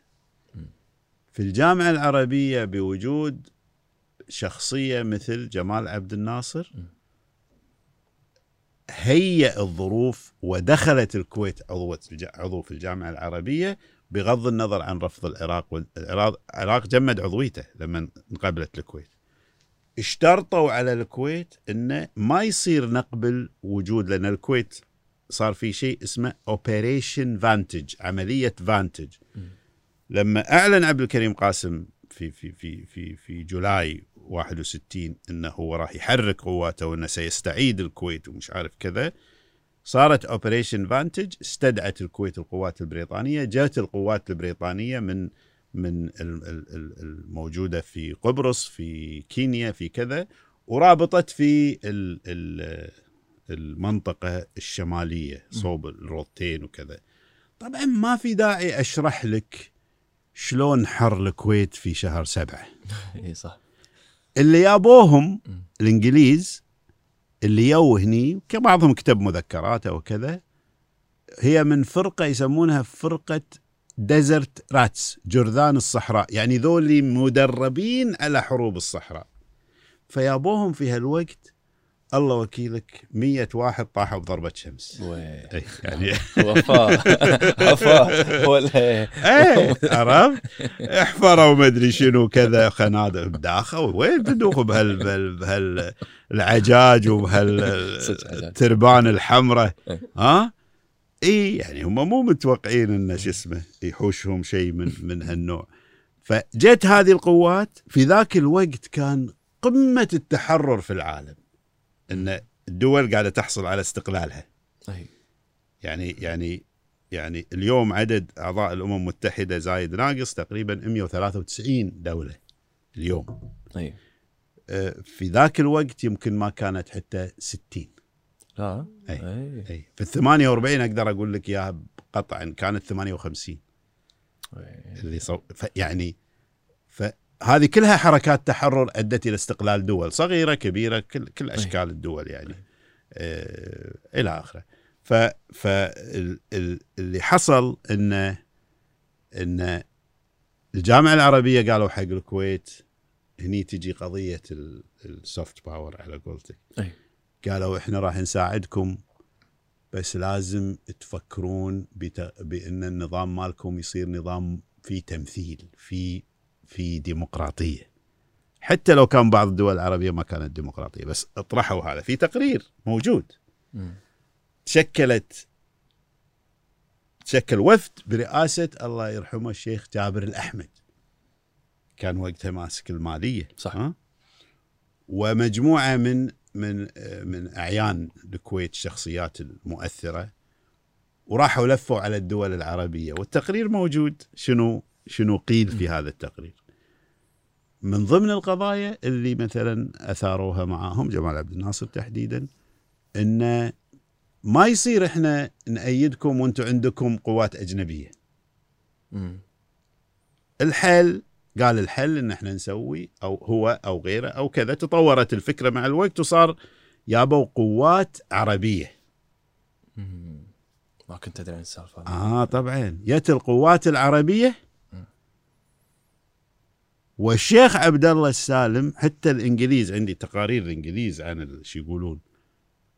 الشيخ عبد الله السالم ضغط على الإنجليز قال لهم قال لهم توكلوا على الله. فالإنجليز يقولون ما ليش هو قاعد يضغط علينا علشان نطلع؟ إحنا جايين مساعدة المفروض يعني. ما طولت القوات البريطانية في الكويت جت في July وبدأت تنسحب في أكتوبر. وثلاث أرباعهم طايحين بالشمس لا لا لا لا مو ثلاث أرباعهم. إي لا لا يمكن كانوا هم حوالي في 4 مية 5100 مية تقريبا واحد. إي، وفي قصص ما تنقال بس يعني على كل فالفكرة إي إن إن قبلت الكويت في الجامعة العربية لكي أي. تقول بأننا نحن انتمائنا عربي وإحنا ما راح نسمح للقوات الأجنبية وبالتالي يا إنجليز طلعوا. إي. وبالنهاية طلعوا. ما عاد في okay ظل مجموعة من المستشارين وكذا والعلاقات مع مع بريطانيا جيدة وإلى آخره. ما مو هذا. موضوع الوجود الأجنبي. ما نجحت الكويت في الأمم المتحدة. الامم المتحده رفضت عضوية الكويت مرتين. أوف. نعم. هذه المعلومه جديدة بعد آه. اي رفضت مرتين لأن الاتحاد السوفيتي عنده اتفاقية صداقة مع العراق وكان مندوب العراق. في وقتها الآن ما أعرف لا زال موجود ولا لا كان فترة دخل في ال في ال في ال يعني في الحلبة السياسية. آه، عدنان الباتشيشي يعني قال كلام قاسي بحق الكويت لما تقدمت في ال- في العضوية. فعلشان تدخل الأمم المتحدة لازم يوافق عليك مجلس الأمن هذا بأي سنة تقريبا دكتور؟ الح- الح- 61. 61 إيه. 61 بعد الاستقلال مباشرة تقدمت الكويت بطلب عضويتها الاتحاد السوفيتي شوف تركيبة الحين تركيبة مجلس الأمن 15 عضو اي خمسة يسمونهم P 5 permanent 5 دول دائمة العضوية مم. هذه الدول دائمة العضوية لها حق استخدام حق النقض الفيتو. الفيتو إيه. مو الفيمتو لأن ساعات الناس يقولون فيمتو ها؟ في ناس يقولون استخدم شنو الفيمتو هذا اللي يسوونه بمجلس الأمن؟ غير الفيمتو اللي عندنا هي أكيد غير الفيمتو اللي عندنا. ينزل برمضان. ينزل هناك على طول. زين ف ف هذه الدول الاتحاد السوفيتي استخدم حق استخدم الفيتو. الصين وقتها مو هذه الصين أي. كانت الصين الوطنية اللي إحنا نسميها تايوان الحين أي. بالثلاثة و- بالثلاثة وسبعين أظن دخلت الصين الشعبية أي. اللي خذت مقعد ال ال ال الأمم المتحدة طبعا فرنسا بريطانيا آه، أمريكا الاتحاد السوفيتي والصين الصين هذه الخمس دول دائمة العضوية مم. الاتحاد السوفيتي مرتين يستخدم حق الفيتو. ضد الكويت. ضد الكويت. بالثلاثة وستين صار انقلاب في العراق. أي. والانقلاب في العراق جاء بحكومة طبعت العلاقات مع الكويت. وبناء عليه بدأت الكويت تتواصل. لذلك ماكو يعني الحين مثلا الاتحاد السوفيتي أخذ مني موقف. ما لازم أوقف. يعني أوقف ضده. أي. أظل دبلوماسيا فظلت الكويت مستمرة في اتصالها بالاتحاد السوفيتي عن طريق بعثتها الدبلوماسية اللي موجودة في في أمريكا. انه ليش تستخدمون الحق كذا؟ لين في 63 في مايو 63 ذهب ال- الشيخ صباح الأحمد كوزير خارجية وألقى خطاب بالكويت وقبولها بالجمعية العامة للأمم المتحدة ما استخدم وب- وبناء عليه فتحت الكويت صارت لأن الواحد يتساءل ليش الكويت هالشكل تعددية؟ ليش الكويت تسوي علاقات مع كل الدول؟ صح ليش الكويت مو منحازة لهذا ولهذا لها علاقة بالجذور؟ حتى التبرعات دكتور اي تبرعات صحيح. يعني اي يعني هم هذا لا هذا موضوع من الخمسينيات. اي من أول ما بدأ النفط فأول جهات كانت الكويت تتبرع لها هي دول الإمارات. مم. يعني الإمارات هي أكثر جهة يعني يعني ليش الستينات كان تلفزيون دبي هو تلفزيون الكويت؟ صح. يعني وهذا شيء آه، يعني طيب. شيء. طيب يعني. وحتى لما يطلع يعني قيادات الإمارات وكذا في دبي وغيرها ما ينسون هالقصة. كانت الكتب ال- ال- الدفاتر الدفاتر كان عليها ال- الشيخ الأمير. صح. دفاتر إحنا جيلنا يعني مرينا عليه. دفاتر يوزعون عليك دفاتر. صح. ما أدري الحين يوزعون دفاتر ولا لا. ما يوزعون؟ الحين لا ما ما يوزع دفاتر. ولا ما يستخدمون دفاتر. ولا الحين كل شيء دكتور بدون ورق. بدون ورق هاي مشكلة ثانية. المهم الدفاتر عليها لغايه لغاية فترة حتى بعد استقلال صح. الإمارات ظلت فترة الجيل اللي عاش ذيك الفترة يذكرها من الإماراتيين. في واحد شفته بالانستغرام إماراتي كاتب الظاهر من الجيل اللي قاعد تتكلم عنه دكتور يكتب والله كان كاتب رسالة شكر حق الكويت وأهل الكويت. ما فيها منه. ما, ما فيها منه لا ما فيها منه. حق وواجب اي اي لا، هو هو أقصد يعني ما أقصد شيء أنا أقصد إيه. إنه يعني دليل على الكلام اللي قاعد تقوله حتى يعني حاضر الموجود شوف أعطيك مثال الإمارات تقول أهلنا يعني ما, ما إحنا بعيدين عنهم. أه ولكن مثلا حتى اليمن جامعة صنعاء كانت جامعه جامعة الكويت فرع صنعاء. كل شيء. مستشفيات اللي موجودة في اليمن. كنا من فترة سنة قبل ال- قبل الكورونا قبل الأزمة هذه أه، سوينا مؤتمر مع عن ال عن ال اليمن. وجو عدد أه، يعني جيد يعني يمكن 17 18 شخص من من كل أنحاء اليمن. بدون استثناء يتكلمون عن دور الكويت ومساعدات الكويت. لسبب بسيط. إن الكويت تقدم خدماتها بدون مقابل. ما تاخذ مقابل ما تجي مرتبطة بشيء سياسي. أنا بعطيك وسهل لي الموضوع الفلاني. ولا الكويت تدخل في الأحلاف العسكرية. دكتور بدون مقابل أنت مرة ذكرت النقطة هذه إن إيه. حتى على نطاق شخصي. أنت قلت إن إن الشخص يعمل شيء إيه. بدون مقابل هذه فيها أنت قلت آه طبعا. شوف لا يعلم لذة الإنسان بتقديم عمل بدون مقابل لشخص ما يعرفه إلا اللي يسويها. فيها متعة فيها متعة. ساعد إنسان ما تعرفه ولا تفكر إنك تحصل مقابل نتاج للي تساعده. هذا س... هذا يعود عليك بتوازنك النفسي. يريحك نفسيا. يعني يعني لما تعطي شخص ما تعرفه وتساعده في محنته مش بالضرورة مالية ايا كانت هذا. وتسعى له وتسنع أموره وترتبه وتخليه أسعد أقل الما أقل أكثر سعادة هذا سينعكس عليك. فأنت واقع الأمر إذا تساعد الناس بدون مقابل هذا أنانية منك. أي. يعني يعني ماني قايل أنانية مو إي. بالمعنى السلبي. إي إي إي. إن انت تفكر تساعد الإنسان. علشان تسعد نفسك. هذه معادلة صعب إن الواحد يشوفها. ان أقول والله أنا إذا إذا أنت حطيت وقمت تقول أنا والله أنا إيش لي بالطلايب؟ ليش أساعد؟ يا معود أنا قاعد أشتغل هالشغلة هذه وما قاعد أحصل من وراها شيء. أنت ما قاعد تعرف الحقيقة انعكاسها على نفسك. إذا حطيت هذا لا تدش بهالقصة.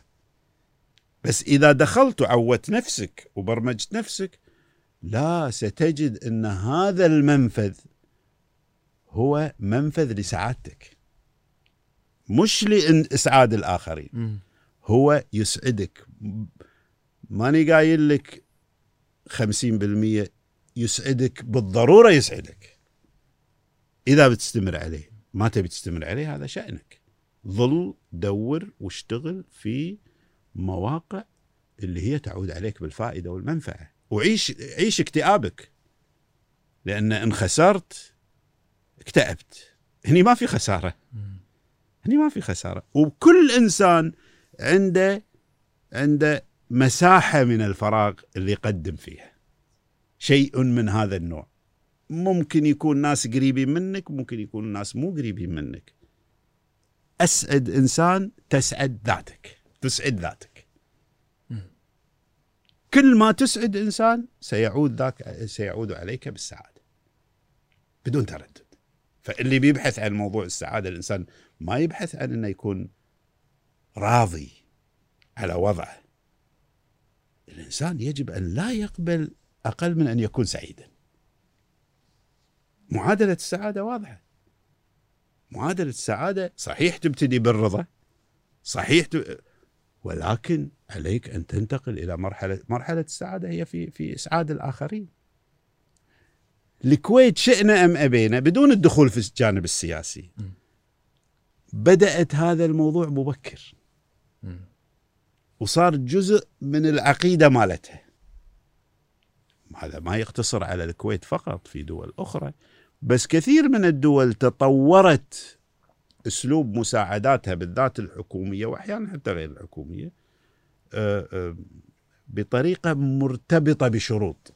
مم. لليوم الكويت هذا الموضوع لا زال متغلب عليه الجانب اللي هو بدون شروط. مم. وهذا موضوع مهم. فموضوع الفرد ثم المجموعة ثم الدولة. كلهم متناغمين في نفس في نفس الطريقة. يصير طبعا عندنا خلل أكيد يصير عندنا خلل. يعني عندنا خلل أكيد. مو شرط يكون هذا كله متكامل. بس أنا أقول لك على مستوى الفرد أنت تستطيع أن تسعد نفسك بإسعاد الآخرين. بأنك تقدم لهم خدمات أو تساعدهم في احتياجاتهم بدون مقابل. ايا كانوا.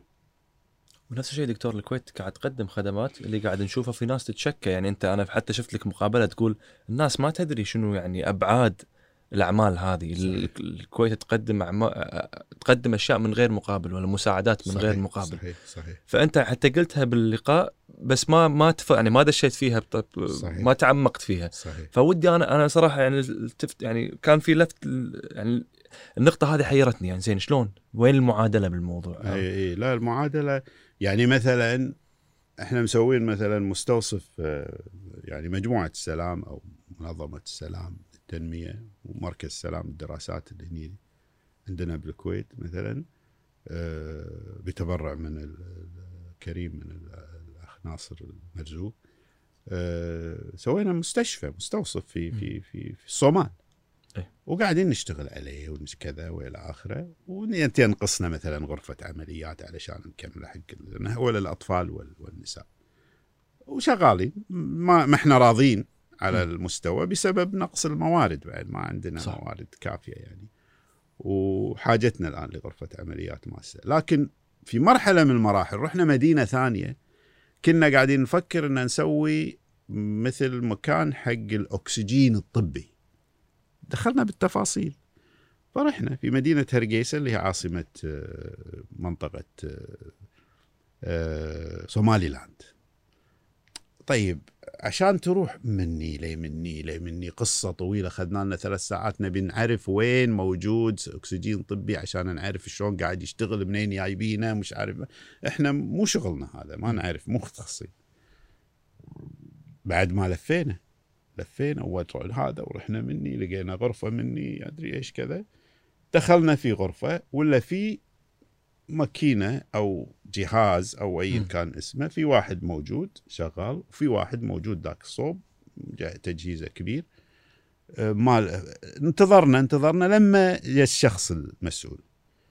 اي فقاعد أسولف وياه. قلت له هذه شنو؟ قاعد ندور كذا. إذا إحنا نبي نحصل علشان بن المنطقة هناك اللي إحنا. فيها ما فيها كذا.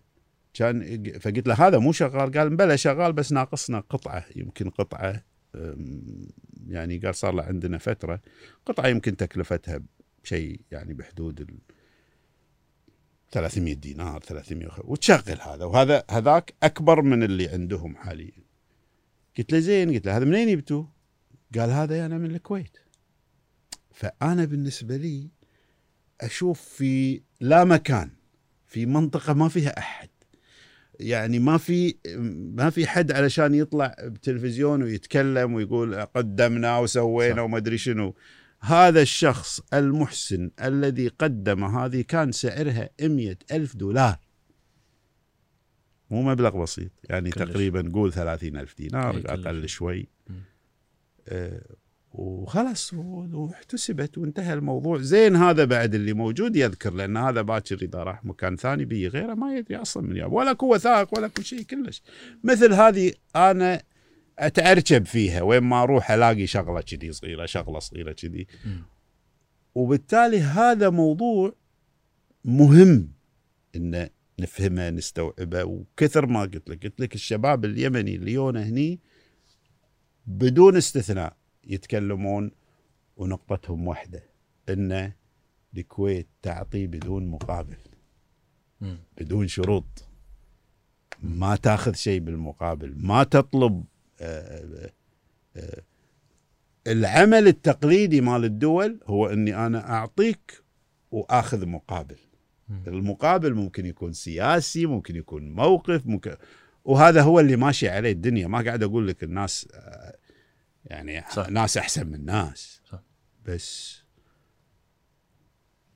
أنت إذا أعطيت بدون مقابل أنت تقوي ذا نفسك ذاتيا مم. تسعد نفسك ما في شك مم. وكلما بدأت التشكيك في هذا الموضوع أنت قاعد تخسر ما قاعد تكسب. أي. طيب لما تيجي تقول لي والله أنا في مراحل ظروفي المالية ما تسمح لا بأس مفهوم. بس ما يصير موقف. شلنا في اللي بال- بالمساعدات؟ ها؟ صح. هذا الموقف أي. موجود يعني. موجود طبعا. موجود لأن لأن الفكرة إن هذه المساعدات إذا ما راحت خلي الصندوق الكويتي للتنمية يمشي بموجب بموجب معايير دولية. الصندوق الكويتي للتنمية الآن في هذه اللحظة مم. آه، يمول نفسه بنفسه. صح. واخذ أخذ قرض من من الحكومة في فترة من الفترات ثم أصبح وما يعطي قروض وما ترجع. صح. فيعني هذا موضوع مؤسسة ماشية. حتى حاطينها منيره طقين هذا بس طقين سبيس. كاهي دكتور تبي تشوفها ما أدري إذا هذا هذا من المصاريف صندوق الكويت التنمية الاقتصادية لها. اي يعني صح مثل ما قلت دكتور هو يمول نفسه بنفسه و...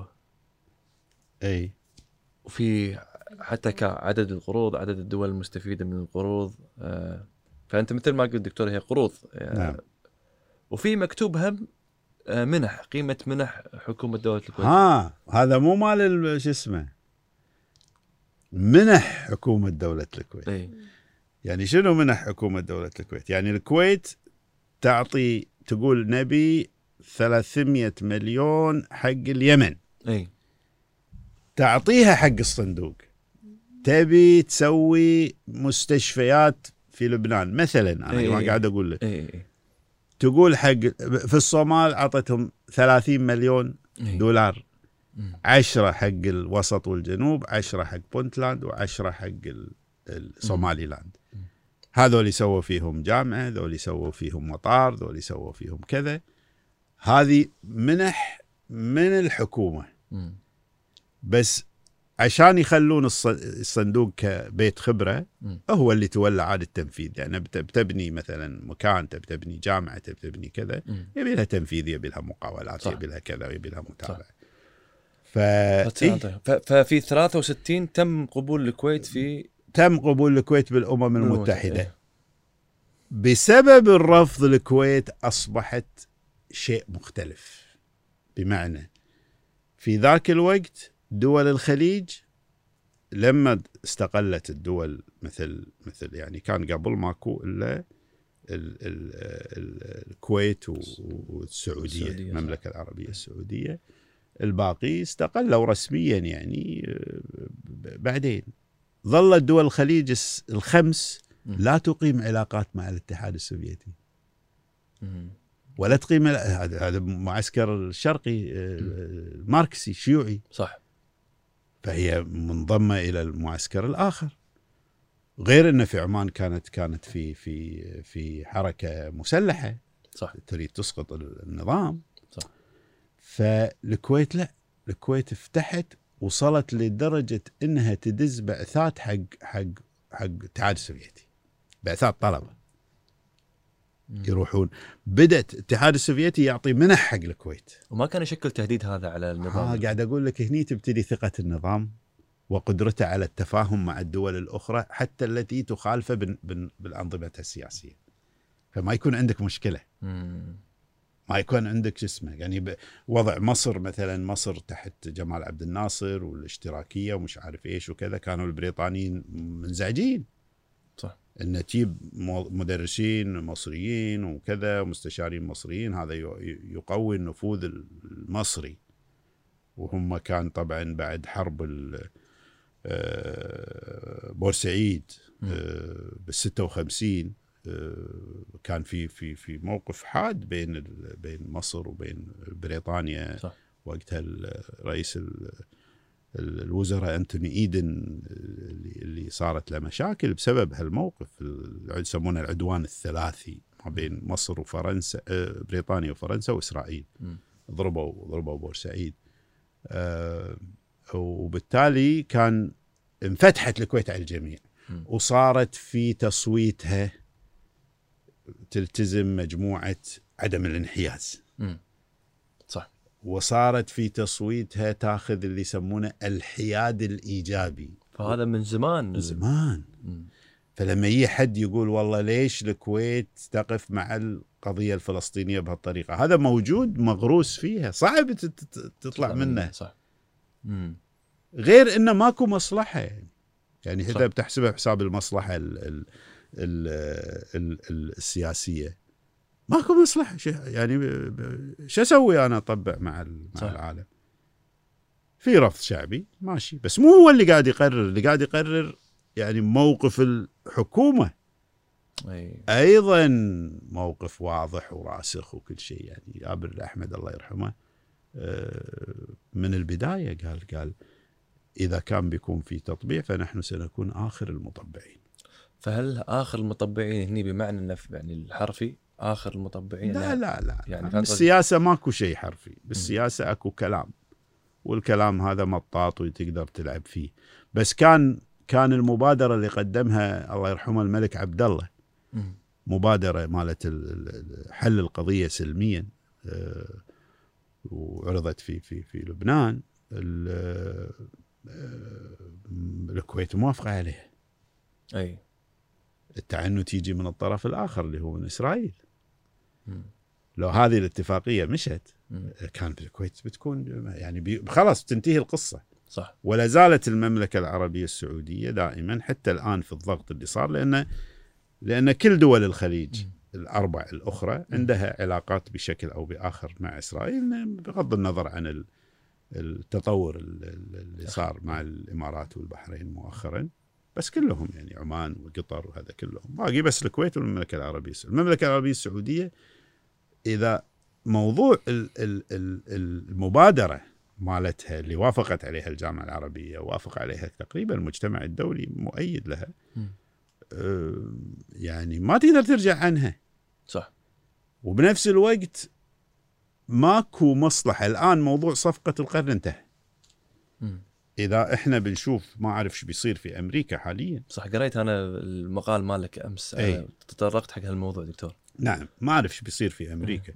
بس ايا كان اللي بيصير في أمريكا. أه أه راح يصير أول شيء راح يصير في إذا مسك مثلا بايدن الحين في مشاكل في أمريكا كأنه يعني كأنها دول عالم ثالث صارت. يعني في تشكيك بالتصويت ومش عارف إيش وهذا ما مر علينا ما شفت أنا راقب الانتخابات الأمريكية منذ من السبعينات يعني. وكنت حاضر في بعضها. ما شفت هالشيء اللي قاعد يصير الآن.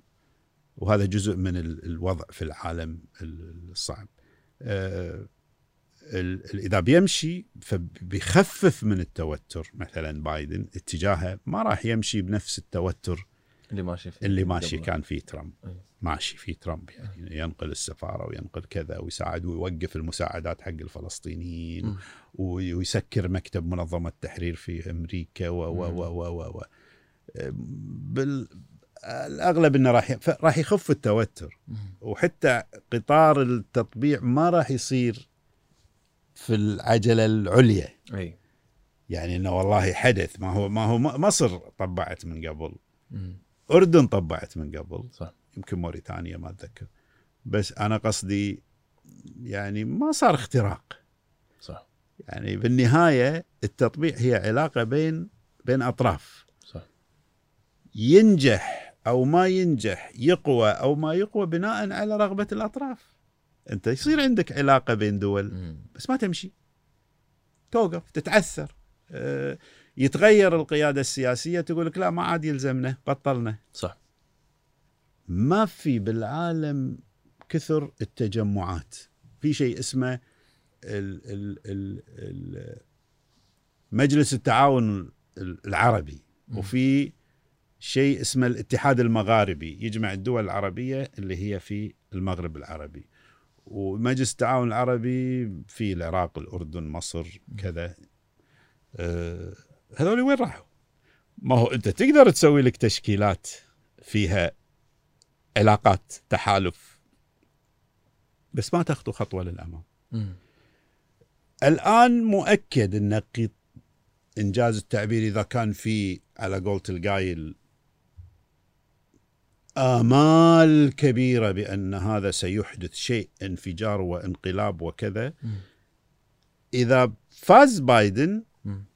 ما راح يكون بذات الزخم اللي دفع فيه السيد ترامب لأن فشلت صفقة القرن والله يرحمه واحد من المفاوضين ال- الفلسطينيين توفى اسمه صعب عريقات كان من. ضمن ال...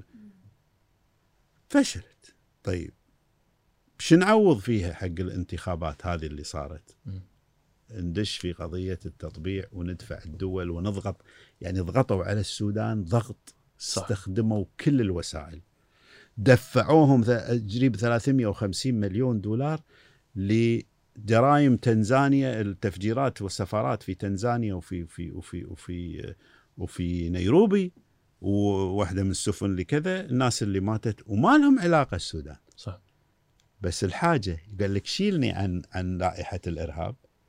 قال تدفع حق هذا علشان أقول أنا كرئيس إني أنا جبت لكم فلوس تعويضات. وفي نفس الوقت بآخر لحظة كان يقطون لهم الكرت مال تطبيع. تطبيع. okay. طيب تطبع خطوة للأمام أو خطوة للوراء ولازم تتعامل بعد مع المزاج الشعبي في انقسام في تغيير كذا.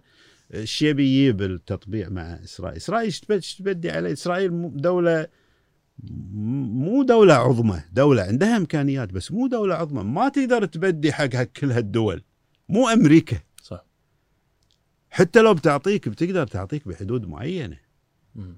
وما راح تعطيك مثل حكينا قبل شوي بدون مقابل إسرائيل تبي تعطيك وتاخذ فتبي تبي تبي تشجع لك ال- ال- الحيازات الزراعية أو غيره أفضل مشروع.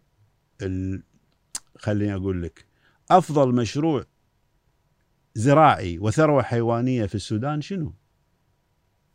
مزروع مشروع سكر كنانة.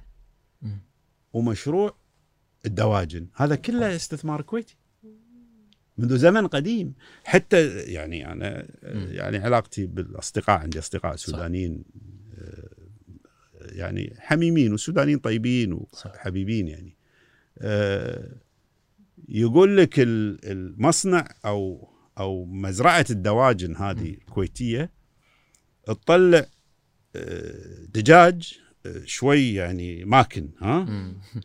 فإذا واحد مزغدد ومتنان وكذا يقولون له إيش فيك عامل زي الدجاجة الكويتية ها هذا مثل إيه، ها؟ إيه.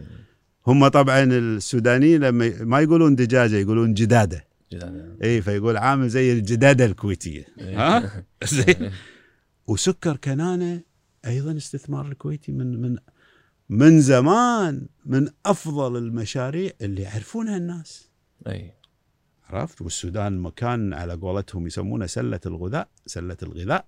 مم. إن فيها إمكانيات للزراعة ولكذا ولكذا ولكذا. فضغطوا عليه.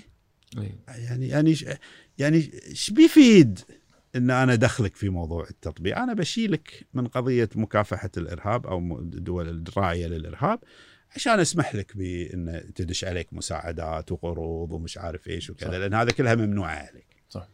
يعني يعني مثل مثل ما يصير في دول دول أخرى مضغوط مضغوط عليها فأنا اللي أقول لك إن هذا خلق حالة الكويت وبدت من بكر يعني أنت وصلنا إحنا حق آه، كانوا يدزون بعثات للاتحاد السو- السوفيتي يجوا آه. زي هذه الجزء أقصد إحنا وصلنا حق أي. أنا لا، أنا أبيت هم أبي في نقطة ثانية بسألك عنها دكتور اللي هي فكرة إن إحنا كان عندنا ديمقراطية بهذاك الوقت هل هذا كان إزعاج للمحيط ولا الدول المحيطة بالكويت يعني شوف إزعاج بقدر ما أي.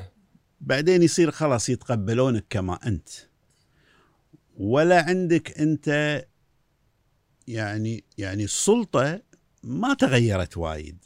السلطة بالعكس يعني زورت الانتخابات 67 حلت المجلس 76 حلت المجلس 86 وحاولت تنقح الدستور ويابت المجلس الوطني في 90 يعني يوم يوم ال ال ال شهر 6 ها؟ شهر ستة انتخب المجلس الوطني اللي هو كان بديل عن مجلس الأمة واللي هو صح. كان ولا شيء ولا في أعضاء ولا يحضرون الوزراء إذا ما بغوا يحضرون على كيفهم يعني ما لما انتخب المجلس الوطني آه، آه، في بالعراق طبعا تعرف العراق فيها ديمقراطية كانت على صح. أيام على أيام السيد الرئيس آه، على أيامه آه، فالمجلس الوطني مالهم يعني على أساس برلمان يعني يصوت وحر وكذا يعني.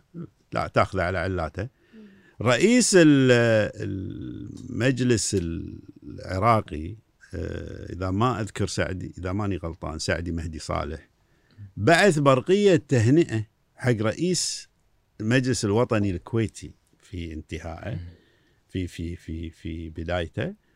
ومن ضمن الكلام اللي يقوله إن إحنا إن شاء الله سنزوركم قريبا. طبعا زارونا في ال- في في, في. بس زيارة زيارتهم كانت يعني غير مرحب فيها. صح. سيئة. ف جايينكم يقول جايينكم إن شاء الله راح نجيكم وكذا. وفعلا يونا. ف فهذا كله أم، ال- ال- ال- ال- الحكومة مش مقتنعة بالديمقراطية. أي. ما في قناعة. لابد إن هذا ينتهي.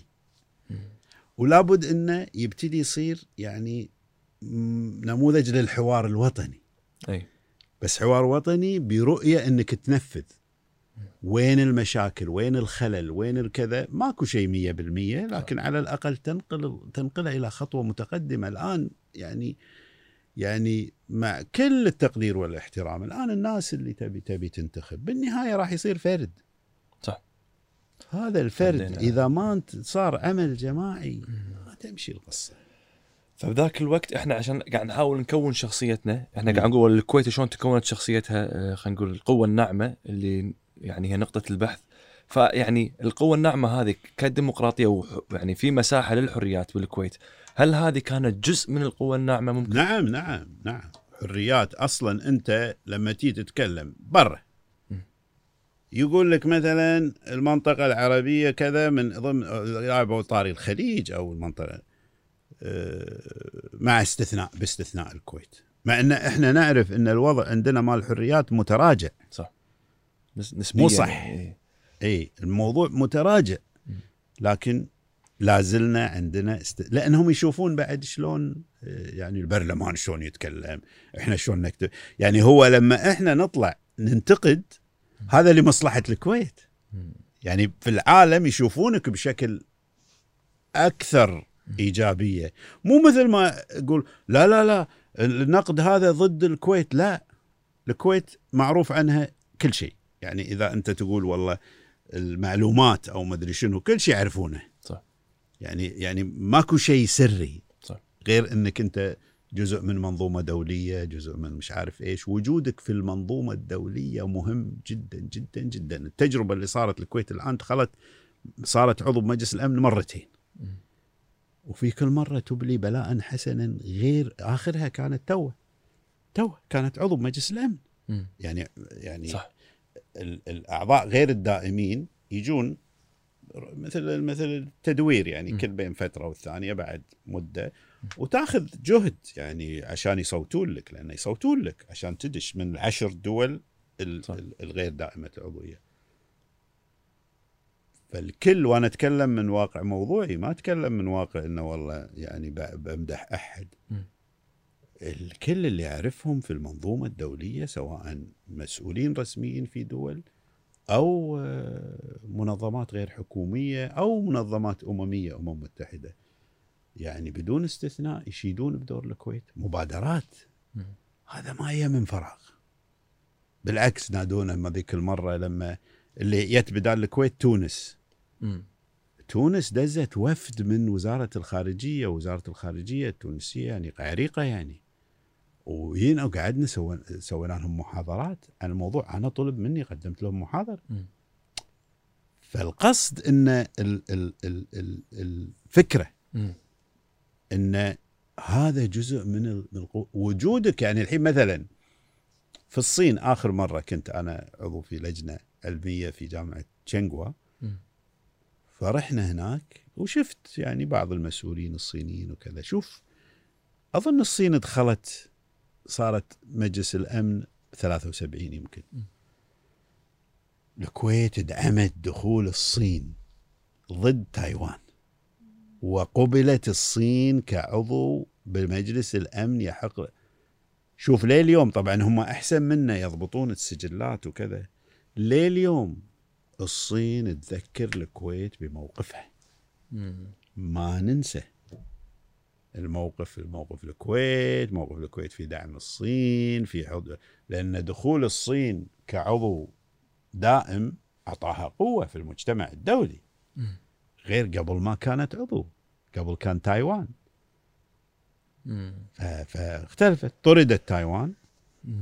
ودخلت الصين جزء من الموضوع والكويت لأن لأنها جادة في مواقفها لأنها تأخذ مواقف إنسانية بشكل كامل يصير وجودها مهم لما تجي أنت حتى في الأزمة الخليجية صح.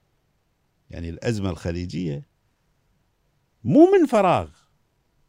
صارت الكويت تلعب الدور وأنا أظن إنه يمكن إذا جاء بايدن الآن مع الملفات اللي على على رأسه.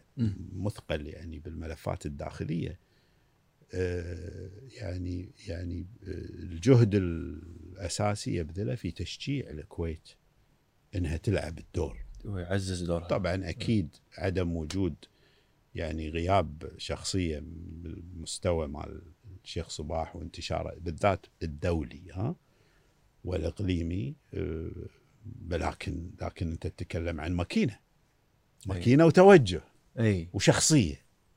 فأنت تتوقع من هذه الدولة إنها تأخذ موقف لصالح عدم الانحياز. بناء على track record ولا بالضبط. المواقف السابقة بالضبط. بالضبط. وبالتالي ما راح تسمح لأن الأمريكان ضغطوا على الكويت في موضوع فنزويلا. إنها تصوت مع الأمريكان في طرد وزير خارجية فنزويلا الحكومة وقبول بوزير خارجية المعارضة اللي طبقتها أمريكا هذا مؤخرا اي ما كنت عن هذا آه، لا لا هذا مو مو مم. منشور يعني إيه. بس أنا أتكلم لك عن معلومات إي.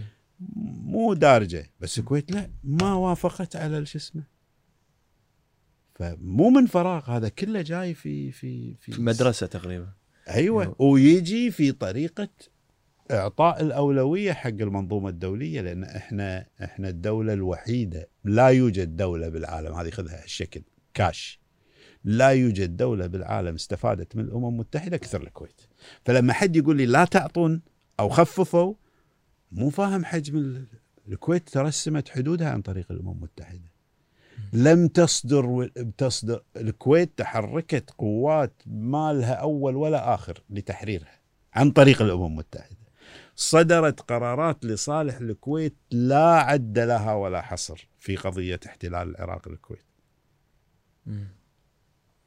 ما في دولة استفادت مهما عطيت لأن تعطيتها وجود. أنت رحت رحت فيها انتهيت. دولة ما عادت موجودة. ما عادت موجودة. يعني يقول لي لما لما أيام ال- ال- الغزو نروح نزور الأسرى نروح مثلا نقعد بالفندق فندق الرشيد. يعطونك؟ يعطونك آه، ورقة تكتب فيها بياناتك ومش عارف إيش وكذا. ف وقفت امام الجنسية. مم. فيقول لي ال- هذا الشاب مال ال reception العراقي. قال لي شو شو القصة؟ قلت له قلت له شو أكتب الجنسية؟ كان يقول لي أكتب عراقي جديد. فراحت راحت يعني وقتها. قلت له قلت له زين. قلت له وغير هالحكي قال لي عوفه عوفه إي. ما سجلت شيء خليتها مفتوحة.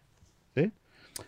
فقصدي انه إن البلد هذا والناس تهوس تقول لك يعني آه شو اسمه آه صدام اسمك هز أمريكا وأنت صح. رايح. ها؟ إيه لا. علينا أن نعمل لكي لا نعود لذاك الوضع. كل الكويتيين لازم يحرصون على أنهم يقوون الكويت وجزء من تقوية الكويت هي تقوية شخصيتها المعتدلة المتزنة الإنسانية بما في ذلك حل قضية البدون. توني بقول لك ما شاء الله عليك. بما في ذلك قضية حل الإبقاء على موضوع البدون هذا مضر للكويت مش العكس. اللعب والعبث اللي قاعد يصير هذا عبث. ما يصير أنت حابس لك مئة ألف إنسان وطق فيهم كذا و... ومؤجل للأبد. ما يصير. ما يصير. انت بحاجة لعماله نظم ال- ه- و- و- وكثير من هذول كانوا في الجيش. يعني 35 34 ألف عندهم إحصاء 65 يا أخي ابدأ فيهم. الاعتقاد بأن ذولي يوك عقب الغزو هذا كلام غير صحيح. لا أساس له من الصحة. الأغلبية الساحقة موجودين. يا ب 65 يا ب 70 وإذا أنت ما عندك أنت كدولة مو تقول لي أنا لقيت ورقة مقطوطة مدري وين مكتوب فيها هذا كذا ولا لقيت ولد عمه مدري منو. هذا حكي مو حكي يعني حكي آه، مو حكي مو حكي دولة. عندك جواز دخل فيه الريال؟ ما عندك جواز. عندك اعتراف من الدولة اللي أنت أنت تقول أنه هو منتمي لها بأنه هو منتمي لها؟ ما عندك. ما تبي. هذا وجه للقضاء. ليش ما تبي تروح للقضاء؟ شلون مقيم بصورة غير قانونية وأنا أعطيه بطاقة أقول له أعطيتك كذا وتروح ب... شلون؟ مقيم بصورة غير قانونية أبعده. ما يصير. ففي لخبطة. كل اللي قاعد يصير في قضية البدون عجز كامل مضر بالأمن الوطني الكويتي. خلينا من الجانب الإنساني. أنا أشوفها جانب إنساني. أنا ما عندي موضوع الأمن الوطني يأتي في الدرجة الثانية بس اللي ما يحب الموضوع الإنساني واللي يقول هذا مو صح وهذا في في استخفاف بال بال بالوطن وبالأمن أقول له يا أخي الأمن يتضرر. أمنك الخارجي سمعتك في موضوع تقدر تحله بسهولة. إحنا بالكويت أنا سويت دراسة على 100 دولة فيها بدون. بدون موجود في العالم كله في في فوق 12 مليون بدون بأشكال مختلفة. الروهينجا اللي الناس يتكلمون فيها حسبالهم بوذيين ضد مسلمين. مشكلتهم بدون. ففي مشاكل بدون بالعالم. الكويت البدون أسهل. ليش أسهل؟ لأنه ما كانوا ما كان مميز ضدهم. كان ناقصهم الجنسية فقط. عايشين حياة يتم معاملتهم معاملة الكويتيين. إحنا طلعنا بعثات. على الحكومة في في في, في السبعينات درسنا في مصر ولا في مصر بالذات في فترة السبعينات كان معانا مبتعثين من الكويت. بدون. مم. تزورون بعثات. فقصدي إن الوضع كان كان ماشي. ها مم. في ال 85 86 تم تغيير السياسة. إذا الدولة كانت مستعدة تصرف حتى بعثات مم. وتأسيس تعليم ليش ما كانت تعطيهم الجناسي وقتها؟ لا لا عاد شوف يعني أنا أقصد أنا هذا السؤال اللي يعني لا، هذا- هذا- قصدي أنا قاعد اعطيه كل شيء موضوع يطول بحثه بس أنا بقول لك. مثلا إيه أشوف أنا ساعات وأنا مسافر. لندن في كذا يجون يسلمون علي ناس ما أعرفهم الحقيقة فيكون هو كان بدون وانتقل إلى هذه الدولة صح. واخذ جنسية كذا فيقعد نسولف فيقول المشكلة إنه يقول إحنا من إحنا كنا بالجيش يقول دزتنا الكويت دورات التدريب على الصواريخ وعلى مش. عارف إيش وكذا. وحصلنا على معرفة يعني شلون تقول لي أنت اطلع برا؟ صح. غير طبعا إن أنت قربت البدون الكلام فاضي يعني كلام مو مضبوط. قربت البدون لدرجة إن خليت الحماية الخاصة للشيخ الأمير جابر الأحمد الله يرحمه حمايته الخاصة بدون أو فيها من البدون. واللي اللي اللي ماتوا واللي اثنين. استشهدوا. من البدون وغيرهم. فأنت أنت السلطة الحكومة هي اللي اللي دخلت وشجعت. مو العكس. مو هذول يو قطوا هذا وراحوا ما أدري شنو والبدوا في جليب الشيوخ ولا بدوا صح. في الحساوي ولا ما أدري وين. وبعدين أنت صدتهم وقلت لهم أعطوني جوازاتكم. مو هالشكل القصة. مم. فقضية فيها إسفاف وفيها استهتار بالأمن الوطني. اللي يقول غير هالكلام عليه أن يثبته إذا هو عنده أدلة ايا كان اللي يقوله. عنده أدلة؟ يروح المحكمة. إذا هو عنده أدلة إنهم ينتمون إلى دول أخرى يا أخي ابعدهم لدولهم.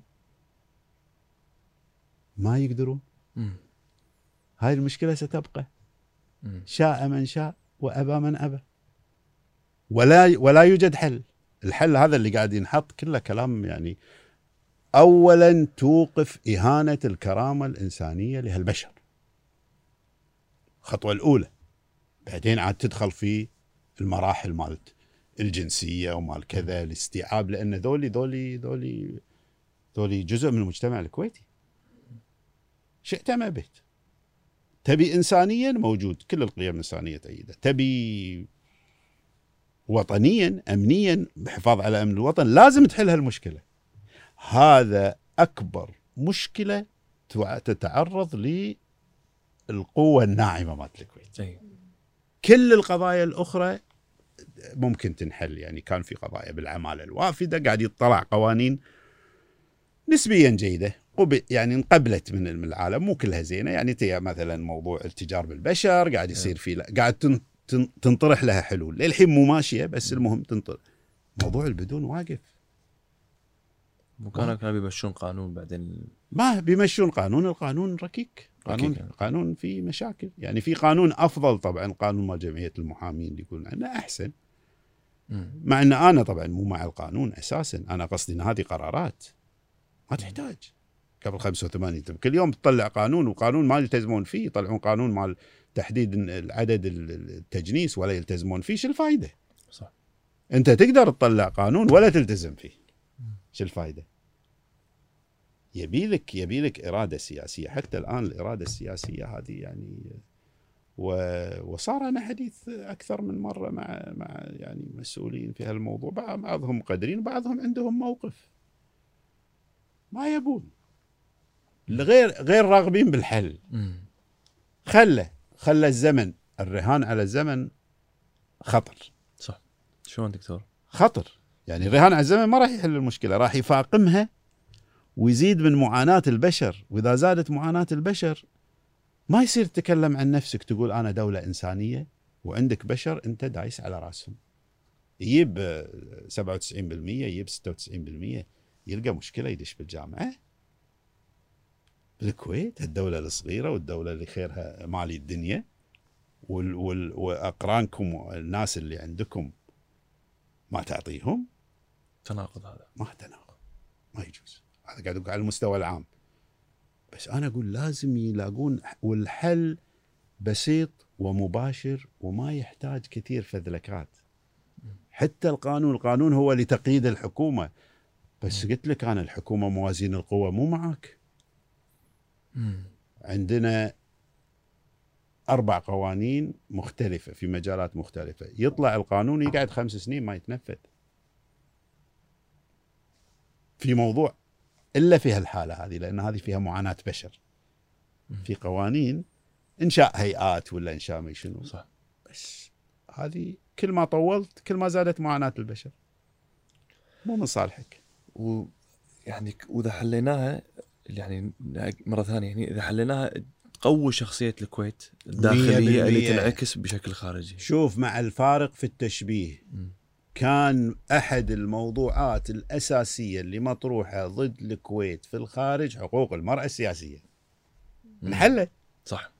الآن الكويت تقدر تقول تمقاط وتسوي كذي وت... ها؟ لا اقصى شيء.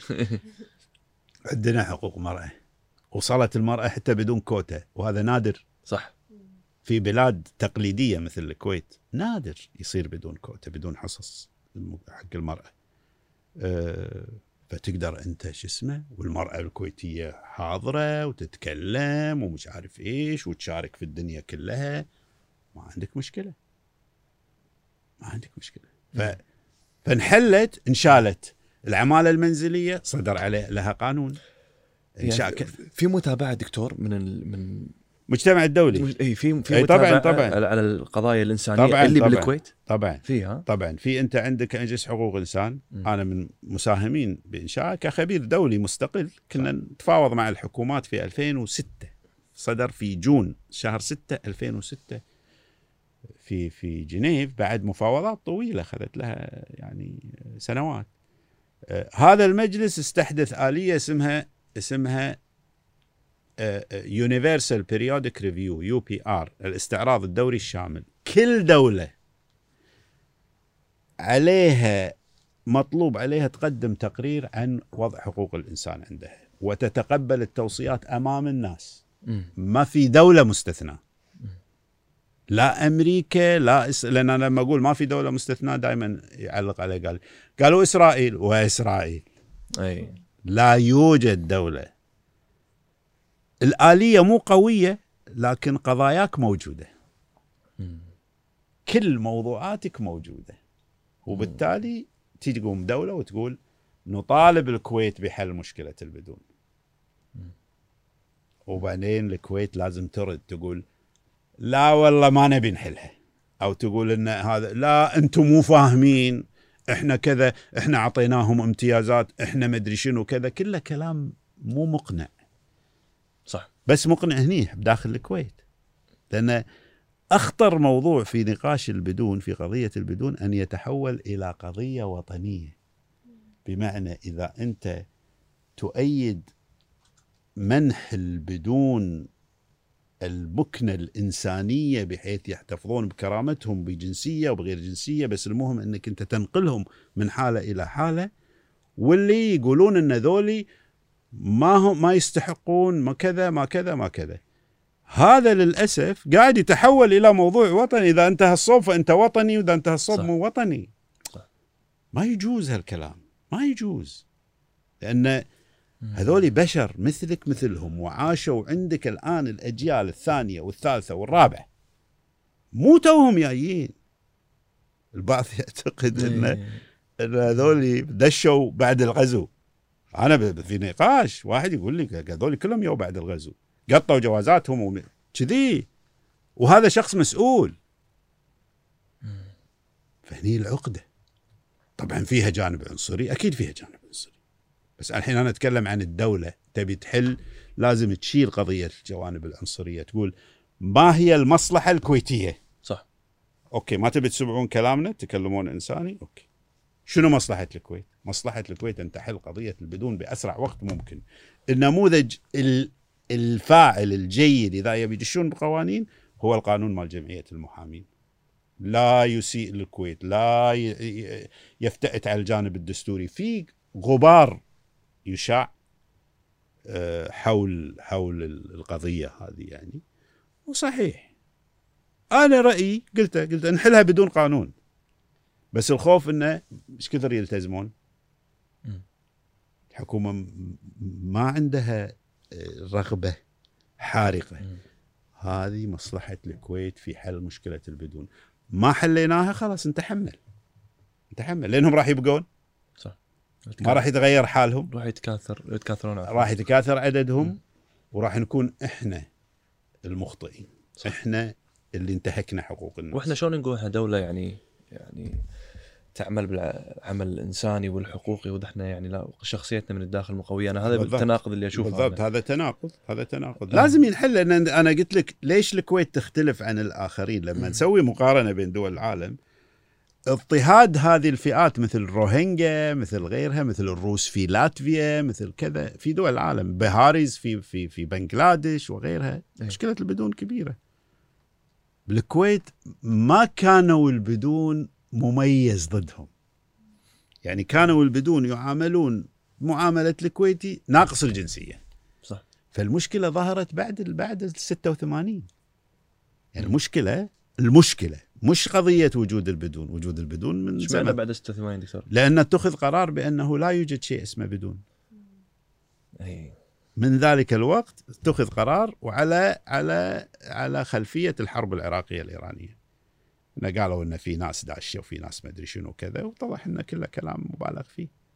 وبالتالي قالوا ماكو شيء اسمه بدون. من اليوم؟ يا كويتي يا غير كويتي. وبناء عليه تم سحب كل الامتيازات وبدت عملية الملاحقات وكذا والفصل من العمل ومش عارف إيش وكذا. اي ف فإحنا فيها. اي إحنا فيها. إحنا نقدر نحلها. مو ماكو واحد ضرس فوقاني وواحد ضرس تحتاني. مم. مو واحد يدعي بالوطنية لأنه بيطق البدون. إن هذا وطني هذا قاعد يدافع عن الوطن. وإن اللي يقول حقوق البدون هذا والله واحد ما, ما يهمه مصلحة البلد. مو صح الحكي هذا. مو صح. وصل نقطة البحث مصلحة البلد يعني. بالضبط. إي. بالضبط بالضبط. هذاك يشوف مصلحة البلد بأنه يدوس على راسهم لما ببالة يطلعون جوازاتهم اللي خاشينها. طيب ما عنده جواز خاص إيش تسوي؟ اللي عنده إحصاء 65 قبلته 34000 طيب ابتدي في الإجراءات. ابتدي في الاجراءات ليش ما آه يعني. طبعا طبعا. وهذا لا تأثيراته الاجتماعية ولا يعني ما- يجوز هالاستمرار. الحين أهم على النقطة الثانية دكتور في العمل الإنساني ومتابعة الأعمال الإنسانية والحقوقية الموجودة بالكويت منها العمالة المنزلية. يعني أنا أحس هذا الموضوع ناس ما يبون يشوفونه لأن. كل بيت تقريبا فيه عمالة منزلية. صحيح. فشو تشوف أنت؟ آه، حتى ما ودي أطول عليك دكتور بس أنا بس هالجزئية الحقوقية أنا بالنسبة لي مهمة والناس ما تتكلم عنها وأنا أدري أنت إي. آه، عندك خبرة فيها دكتور. لا هو شوف هو هو الوضع غير طبيعي. غير طبيعي إنه يكون عندك عمالة منزلية 600 700 800 ألف الله العالم كم الرقم.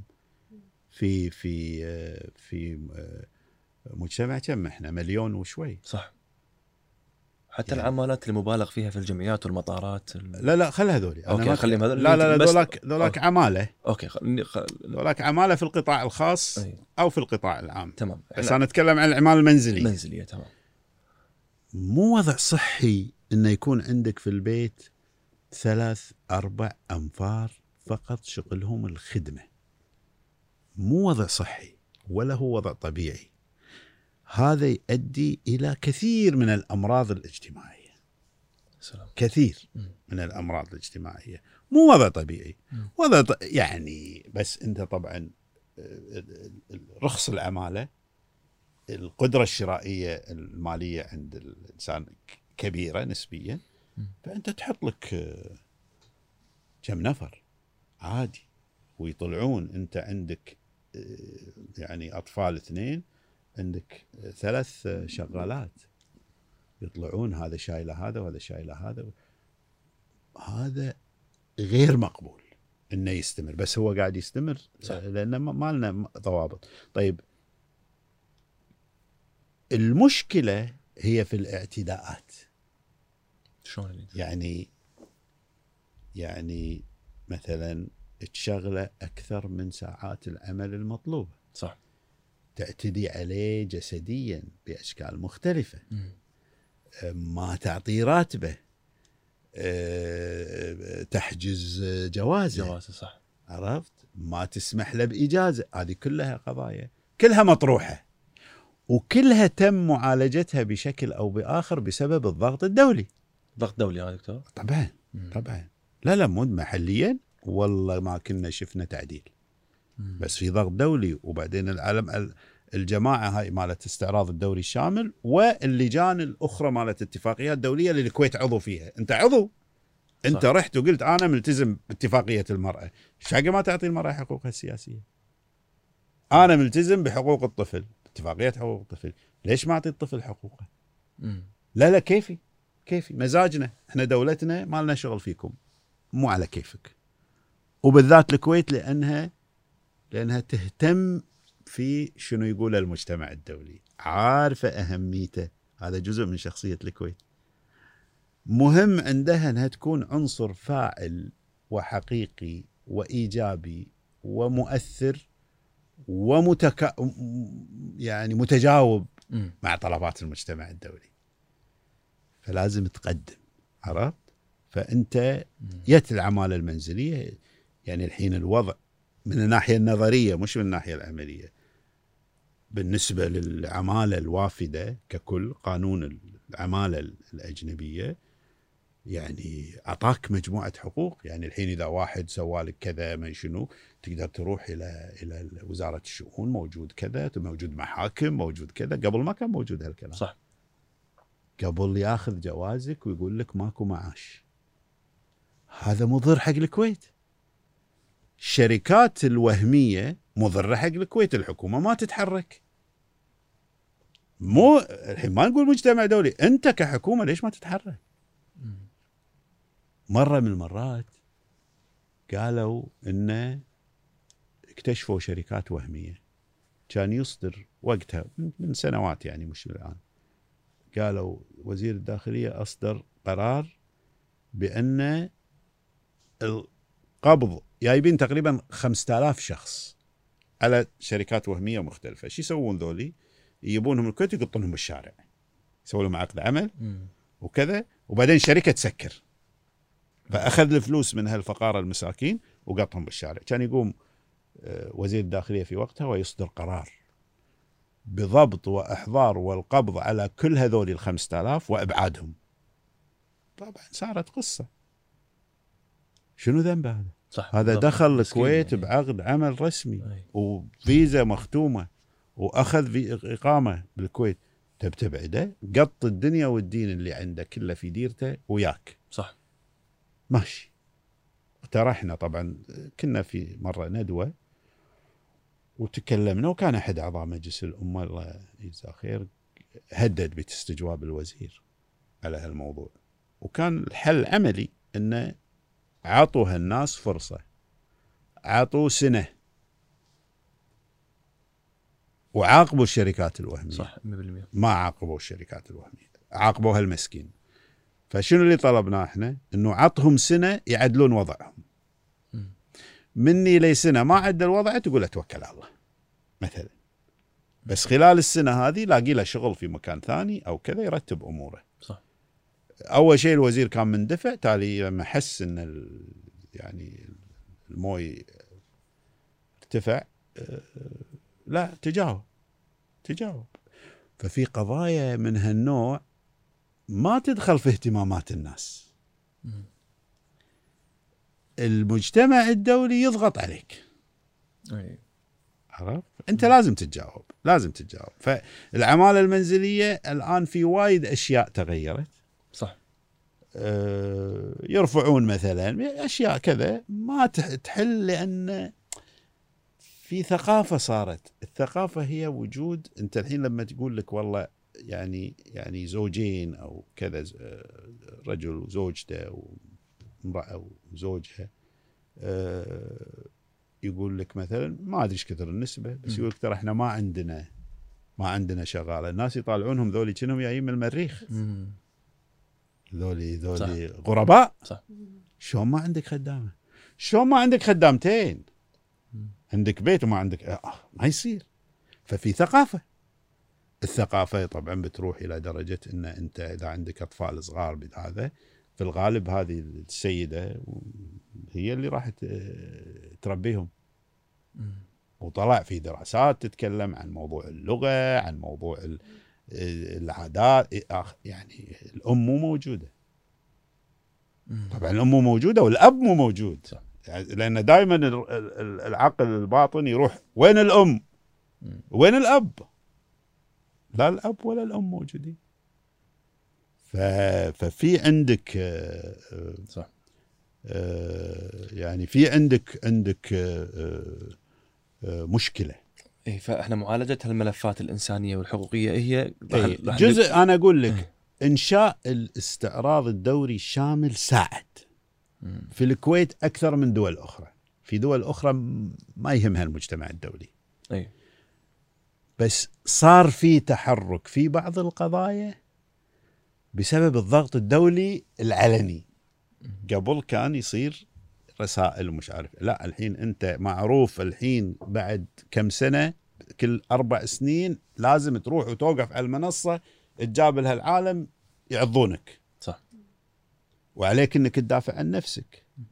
والكويت بهالأمور ما تحب إنها تعادي المجتمع الدولي. مم. في دول أخرى ما يهمها. لذلك أنا أقول لك إن هذه الناحية زينة. اي في بعض الم... في قضايا لا ما تعدلت. في قضايا ما تعدلت. قضايا قانون مال جرائم جرائم الشرف مثلا هذا ما يصير يبقى. في أشياء تغيرت للأحسن. في أشياء صارت وتحركت مثل إلغاء القانون مال البصمة الوراثية. صح. زين؟ هذا يعني أبي أبي أسمع منك دكتور في الجانب الحقوقي والإنساني مو- موضوع البصمة الوراثية. لأن في ناس تقول إن لا إحنا لازم يكون في بصمة وراثية حتى نتحقق من البدون منو اللي س- ما في هالكلام. هذا مش موجود في القانون. لا لا لا. ما له علاقة في البصمة الوراثية. أصلا البدون قاعدين يأخذونهم بصمة وراثية. ياخذون إحنا نتكلم القانون مال البصمه الوراثية يعني غصبا عليك أخذ منك بصمة وراثية. اي وإذا ما التز- ما التز- مو بس أنت الضيف الأجنبي لا جاي الكويت خمسة أيام. أنا قررت أخذ منه بصمة وراثية احطه بالسجن. كذي القانون. قانون يسمونه بال... بالإنجليزي دراكونيان قانون مال العصور الوسطى مو م... ما كان في دولة بالعالم 48 ساعة مشوه مجلس الأمة.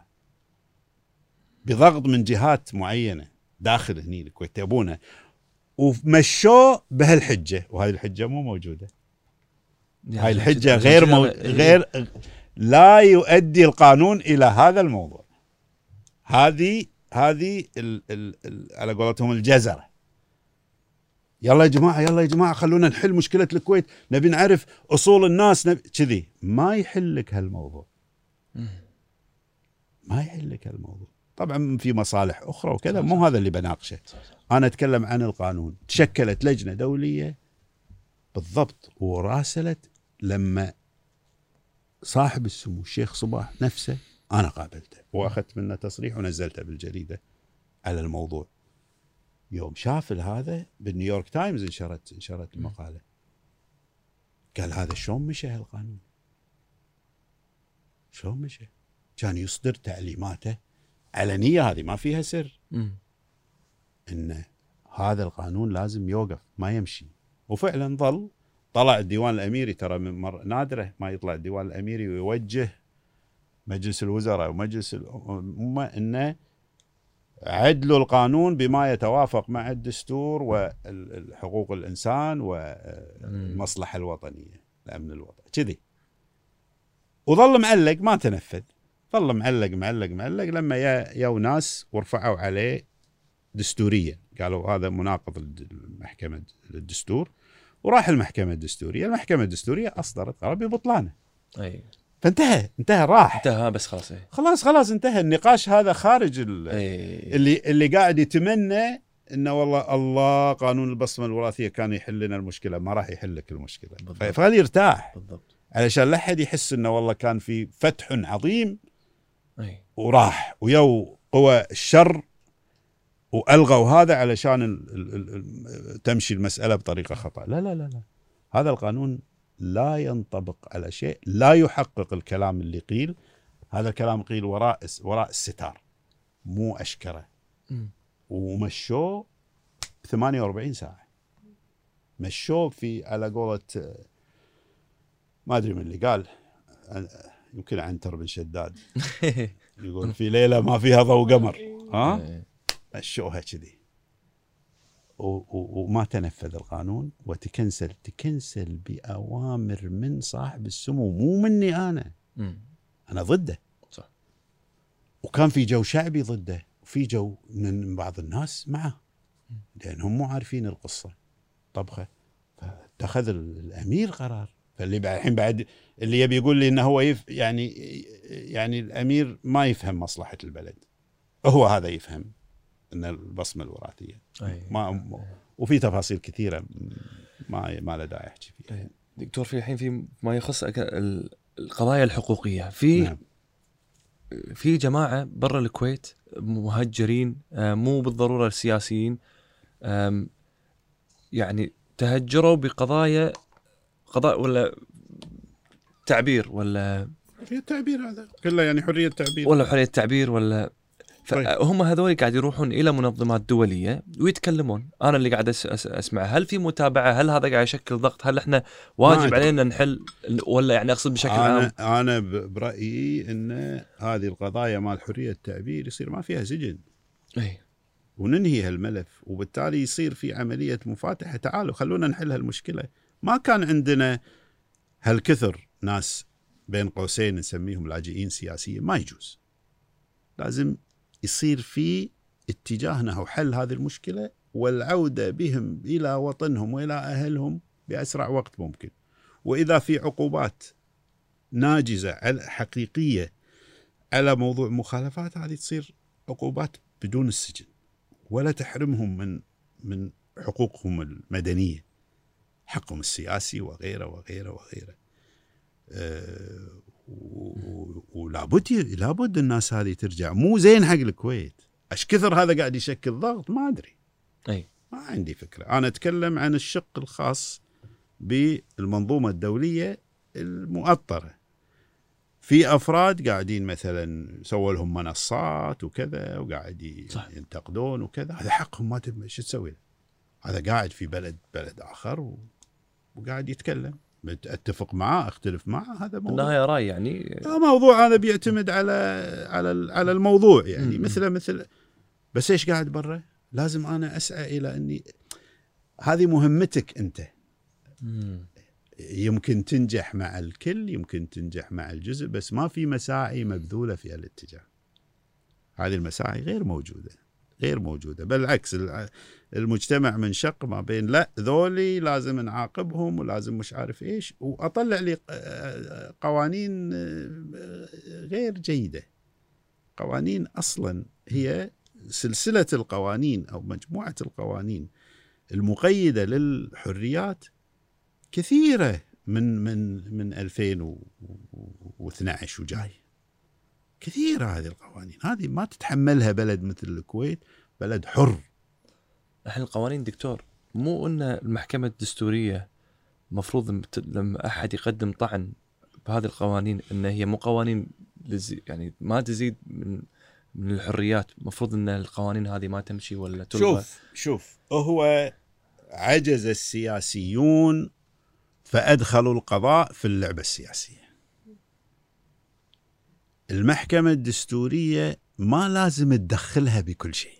أيوه يعني في فشل الفشل أكبر هو إن إحنا ما عندنا محطة للحوار. إحنا ذاك الصوب طرف وذاك الصوب طرف وكل واحد يحذف على الثاني وما في حد عنده أصلا لست...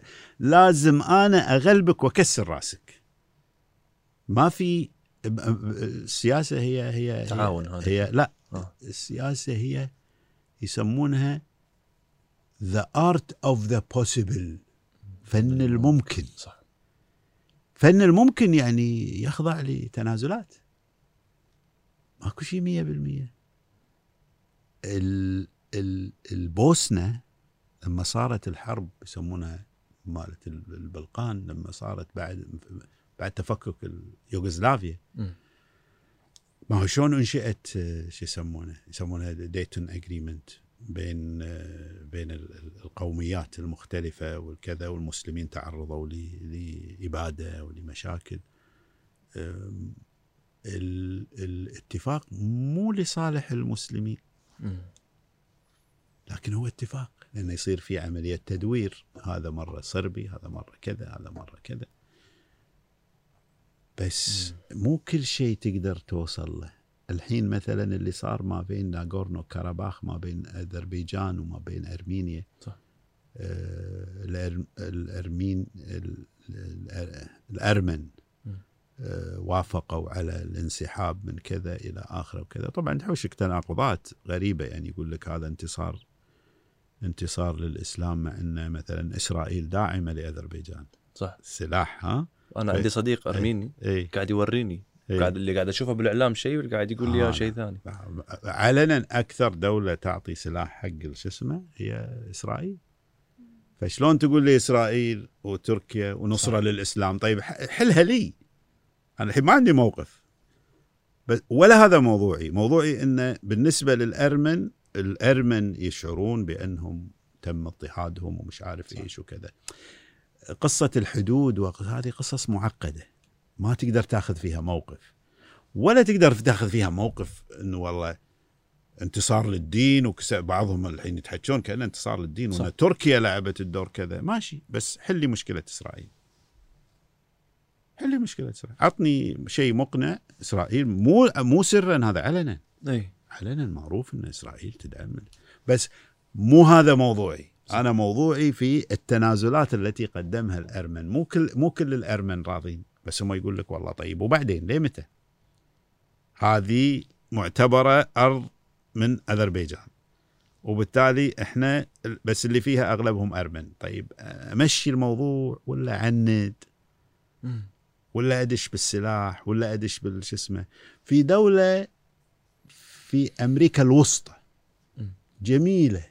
أنا اللي من محبي السفر طبعا بعد بعد أزمة كورونا هذه اللي لخبطت لنا الأمور كلها.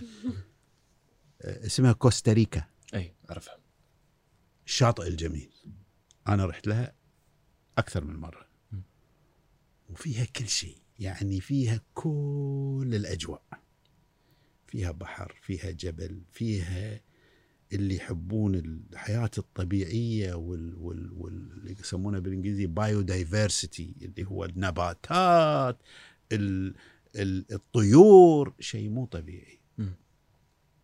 هذه الدولة ألغت الجيش. تكاد تكون الدو... سويسرا ما ألغت الجيش رمزيا موجود الجيش قواته مو كبيرة لكن الجي... سويسرا تصنع سلاح. لأن دائما واحد لما أقول له هالكلام يقول لي سويسرا. سويسرا إيه. لا سويسرا عندها جيش بس بشكل آخر هذولي ألغوا الجيش منو جيرانهم؟ جيرانهم نيكاراغوا نيكاراغوا دولة متقلبة ثوريا تروح وترد ودائما فيها مشاكل وعندهم مع مع مع شو اسمها آه، كوستاريكا مشكلة حدودية على اي بحيرة على ما أدري شنو كذا. آه، ما ادري شو العقل. ليش ألغوا الجيش؟ يعني أقصد لا لا لا لا ما هو هني في فلسفة. مم. تقول لي الشخصية تقول لي شخصية الكويت كذا. يوم كان يقولون لهم آه، يلا حركوا الجيش نيكاراغوا وكذا. كان يقول لهم كوستاريكا. قال لهم كيفكم؟ ما إحنا محاربينكم. تعالوا كذا خلينا نروح على هذا الامم المتحدة. ما إحنا محاربينكم كيفكم؟ ولا شديدة هذه. جديدة؟ إيه. جديدة. إيه. عرفت؟ فأنت ساعات توصل لمرحلة طيب أنا أحط جيش أنا بالكويت ليش أحط جيش؟ أنا هذا السؤال سألته مرة وكلوني بالديوانية إنه ليش عندنا جيش إحنا؟ ليش عندنا جيش؟ إيه.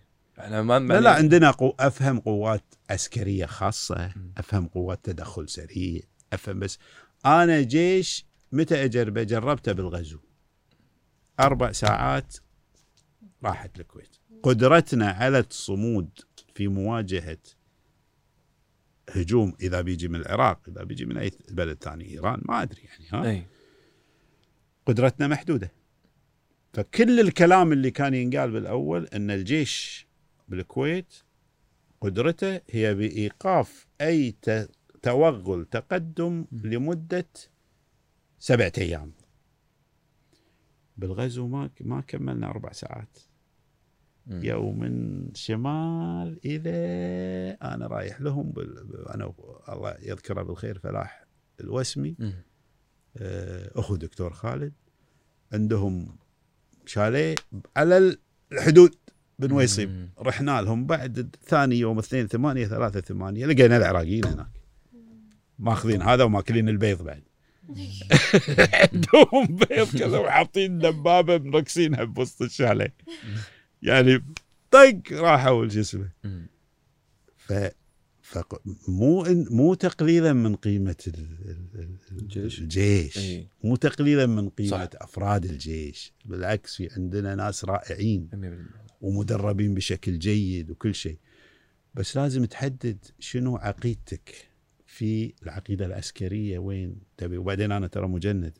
ضابط. دير بالك ما عندي سلاح ماكو شيء ها؟ لا لا لا شيء معود بغيت إي، إي، أعيد حساباتي. 85 ما شاء الله. 85 عليك. ملا- ملازم. زين؟ لكن ما ما استفدنا شيء. ما استفدنا. بس ال- الفكرة إنه طيب. أنا أحط جيش لازم أفكر إني أحول كل شغلي. بس امور ماشية بتقليدية. تعرف شوف متى بدأ يتأسس الجيش الكويتي؟ آه بعد أزمة ال 61 من ضمن اللي يو الجيش. العربي ها؟ ويا جيش عربي وطلعت بريطانيا. وظلوا هني فترة وبعدين راحوا مشوا من ضمن الجيش العربي كانت وحدة سودانية. مم. الجيش السوداني هو اللي أسس الكلية العسكرية الكويتية مم. هم اللي اسسوا حتى لما بتروح أي واحد يروح قبل كان لما كنا إحنا بالكلية العسكرية بالأيام ال... أيام التجنيد كان حاطين صور مدراء الكلية العسكرية أ- أول واحد أظن اللواء أو الفريق صديق أو كذا. اسمه اي هم اللي اسسوا مم. ويحكى أن آه، أحمد بكر أيضا من ضباط شو اسمه آه، يقول لي عن القصة إنه لما يو في فترة الأزمة مالت عبد الكريم قاسم مطالبة بالكويت آه، إن إن إن الشيخ سعد يعني مثل اللي أعطاهم مكافآت كلها كذي موجودة كذا. يروى أن هذا الفريق أو اللواء أو ايا كان رتبته ذاك الوقت آه، قام ورجعهم قال إحنا جايين تأدية واجب مش جايين عشان شو اسمه. مم. السودانيين هم اللي أسسوا ال ال عجيب. ما كنت أدري والله. آه طبعا. طبعا في لها أسباب منها إن ما تبي تروح الأردن لسبب ما تبي تروح مدري من كذا صح. وإن الجيش السوداني أساسا عقيدته القتالية وتدريبه أساسا إنجليزي بريطاني. وبريطانيا تبي أيضا يكون لها نفس ال- المنظومة ها؟ إن جاز التعبير ال configuration نفسه. و- و- واستمرت كلية عسكرية جيدة لا بأس فيها وما شو اسمه ما في ما في غبار. بس قصدي ليش تبي جيش؟ صح.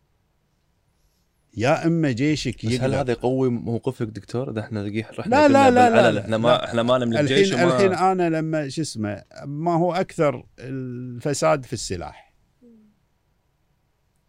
أنا أجيب اجهزه وسلاح وكذا وإلى آخره يا إما لا أستخدمه يا إما أستفيد من عمولاته يا إما مش عارف إيش وهذا كله حق المتنفذين يعني. صح أه، فمو موضوع بناء الجيش أي. أنا أبني لي وحدات عسكريه مقاتلة قادرة على أنها تقوم بمهمات معينة إلى آخره أه، أقلل من ال- من ال- ال- المصاريف وأغير من منظومة التفكير اللي هي اللي هي يعني أه، موجودة حاليا. فاي ليش لا؟ يعني كل شيء محتاج محتاج إنك أنت تخرج خارج الصندوق ما تفكر بنفس الطريقة التقليدية، صح. جربت الجيش في 2 8 وراح. راحت الكويت. عيد عيد عيد راحت. التفكير شلون؟ وهذا مثل ما قلت لك لا يعني عن تقليل صح. من العساكر اللي أعطوا وقدموا والمخلصين منهم والقادرين والفنيين الرائعين اللي ما هذا مو صح حتى. منيره أخوها بالسلك العسكري وأنا خالي بالسلك العسكري إيه. يعني بالعكس ما يقلل من قدر لا لا لا لا, لا. أنا الحين ما أتكلم أنا عن إيه. الناس اي اللي بالجيش. أنا إيه. أتكلم عن المؤسسة. المؤسسة كمؤسسة ها؟ مؤسسة محتاجة إعادة تفكير. اي بما يخدم مصلحة الكويت. مم. يعني restructuring restructuring إعادة تموضع إعادة تفكير إعادة وضعها ضمن الاستراتيجية مالت الحماية نفسها. لأن أنا ما يصير عندي جيش ما أقدر أستخدمه. وبعدين مسافتي قصيرة. يعني كانت واحدة من مشاكلنا إذا طلعوا طيارين الكويتيين بالتدريب. ما يقدر يروح. مس- مجاله الجوي صغير. صح. يطلع ولا داش. يا مني يا مناك صح. ويزعلون. صح. يزعلون عليك. كل شيء ولا يزعلون. زع- زعلهم شايد. فيعني قواك الله دكتور. أنا استفدت وايد اليوم. منيره إذا عندك شيء ولا نقطة نسينا نقولها. والله خوش حلقة صراحة. أثريت الله. النقاش وأثريت الحلقة واستفدنا وايد. ومعلش يعني أزعج أزعجناك شوي وتعبناك معنا إحنا كل شوي ما كنا تغديت. كلنا. حبيبي إيه. دكتور ما قصرت وعساك على القوة. الله يسلمك.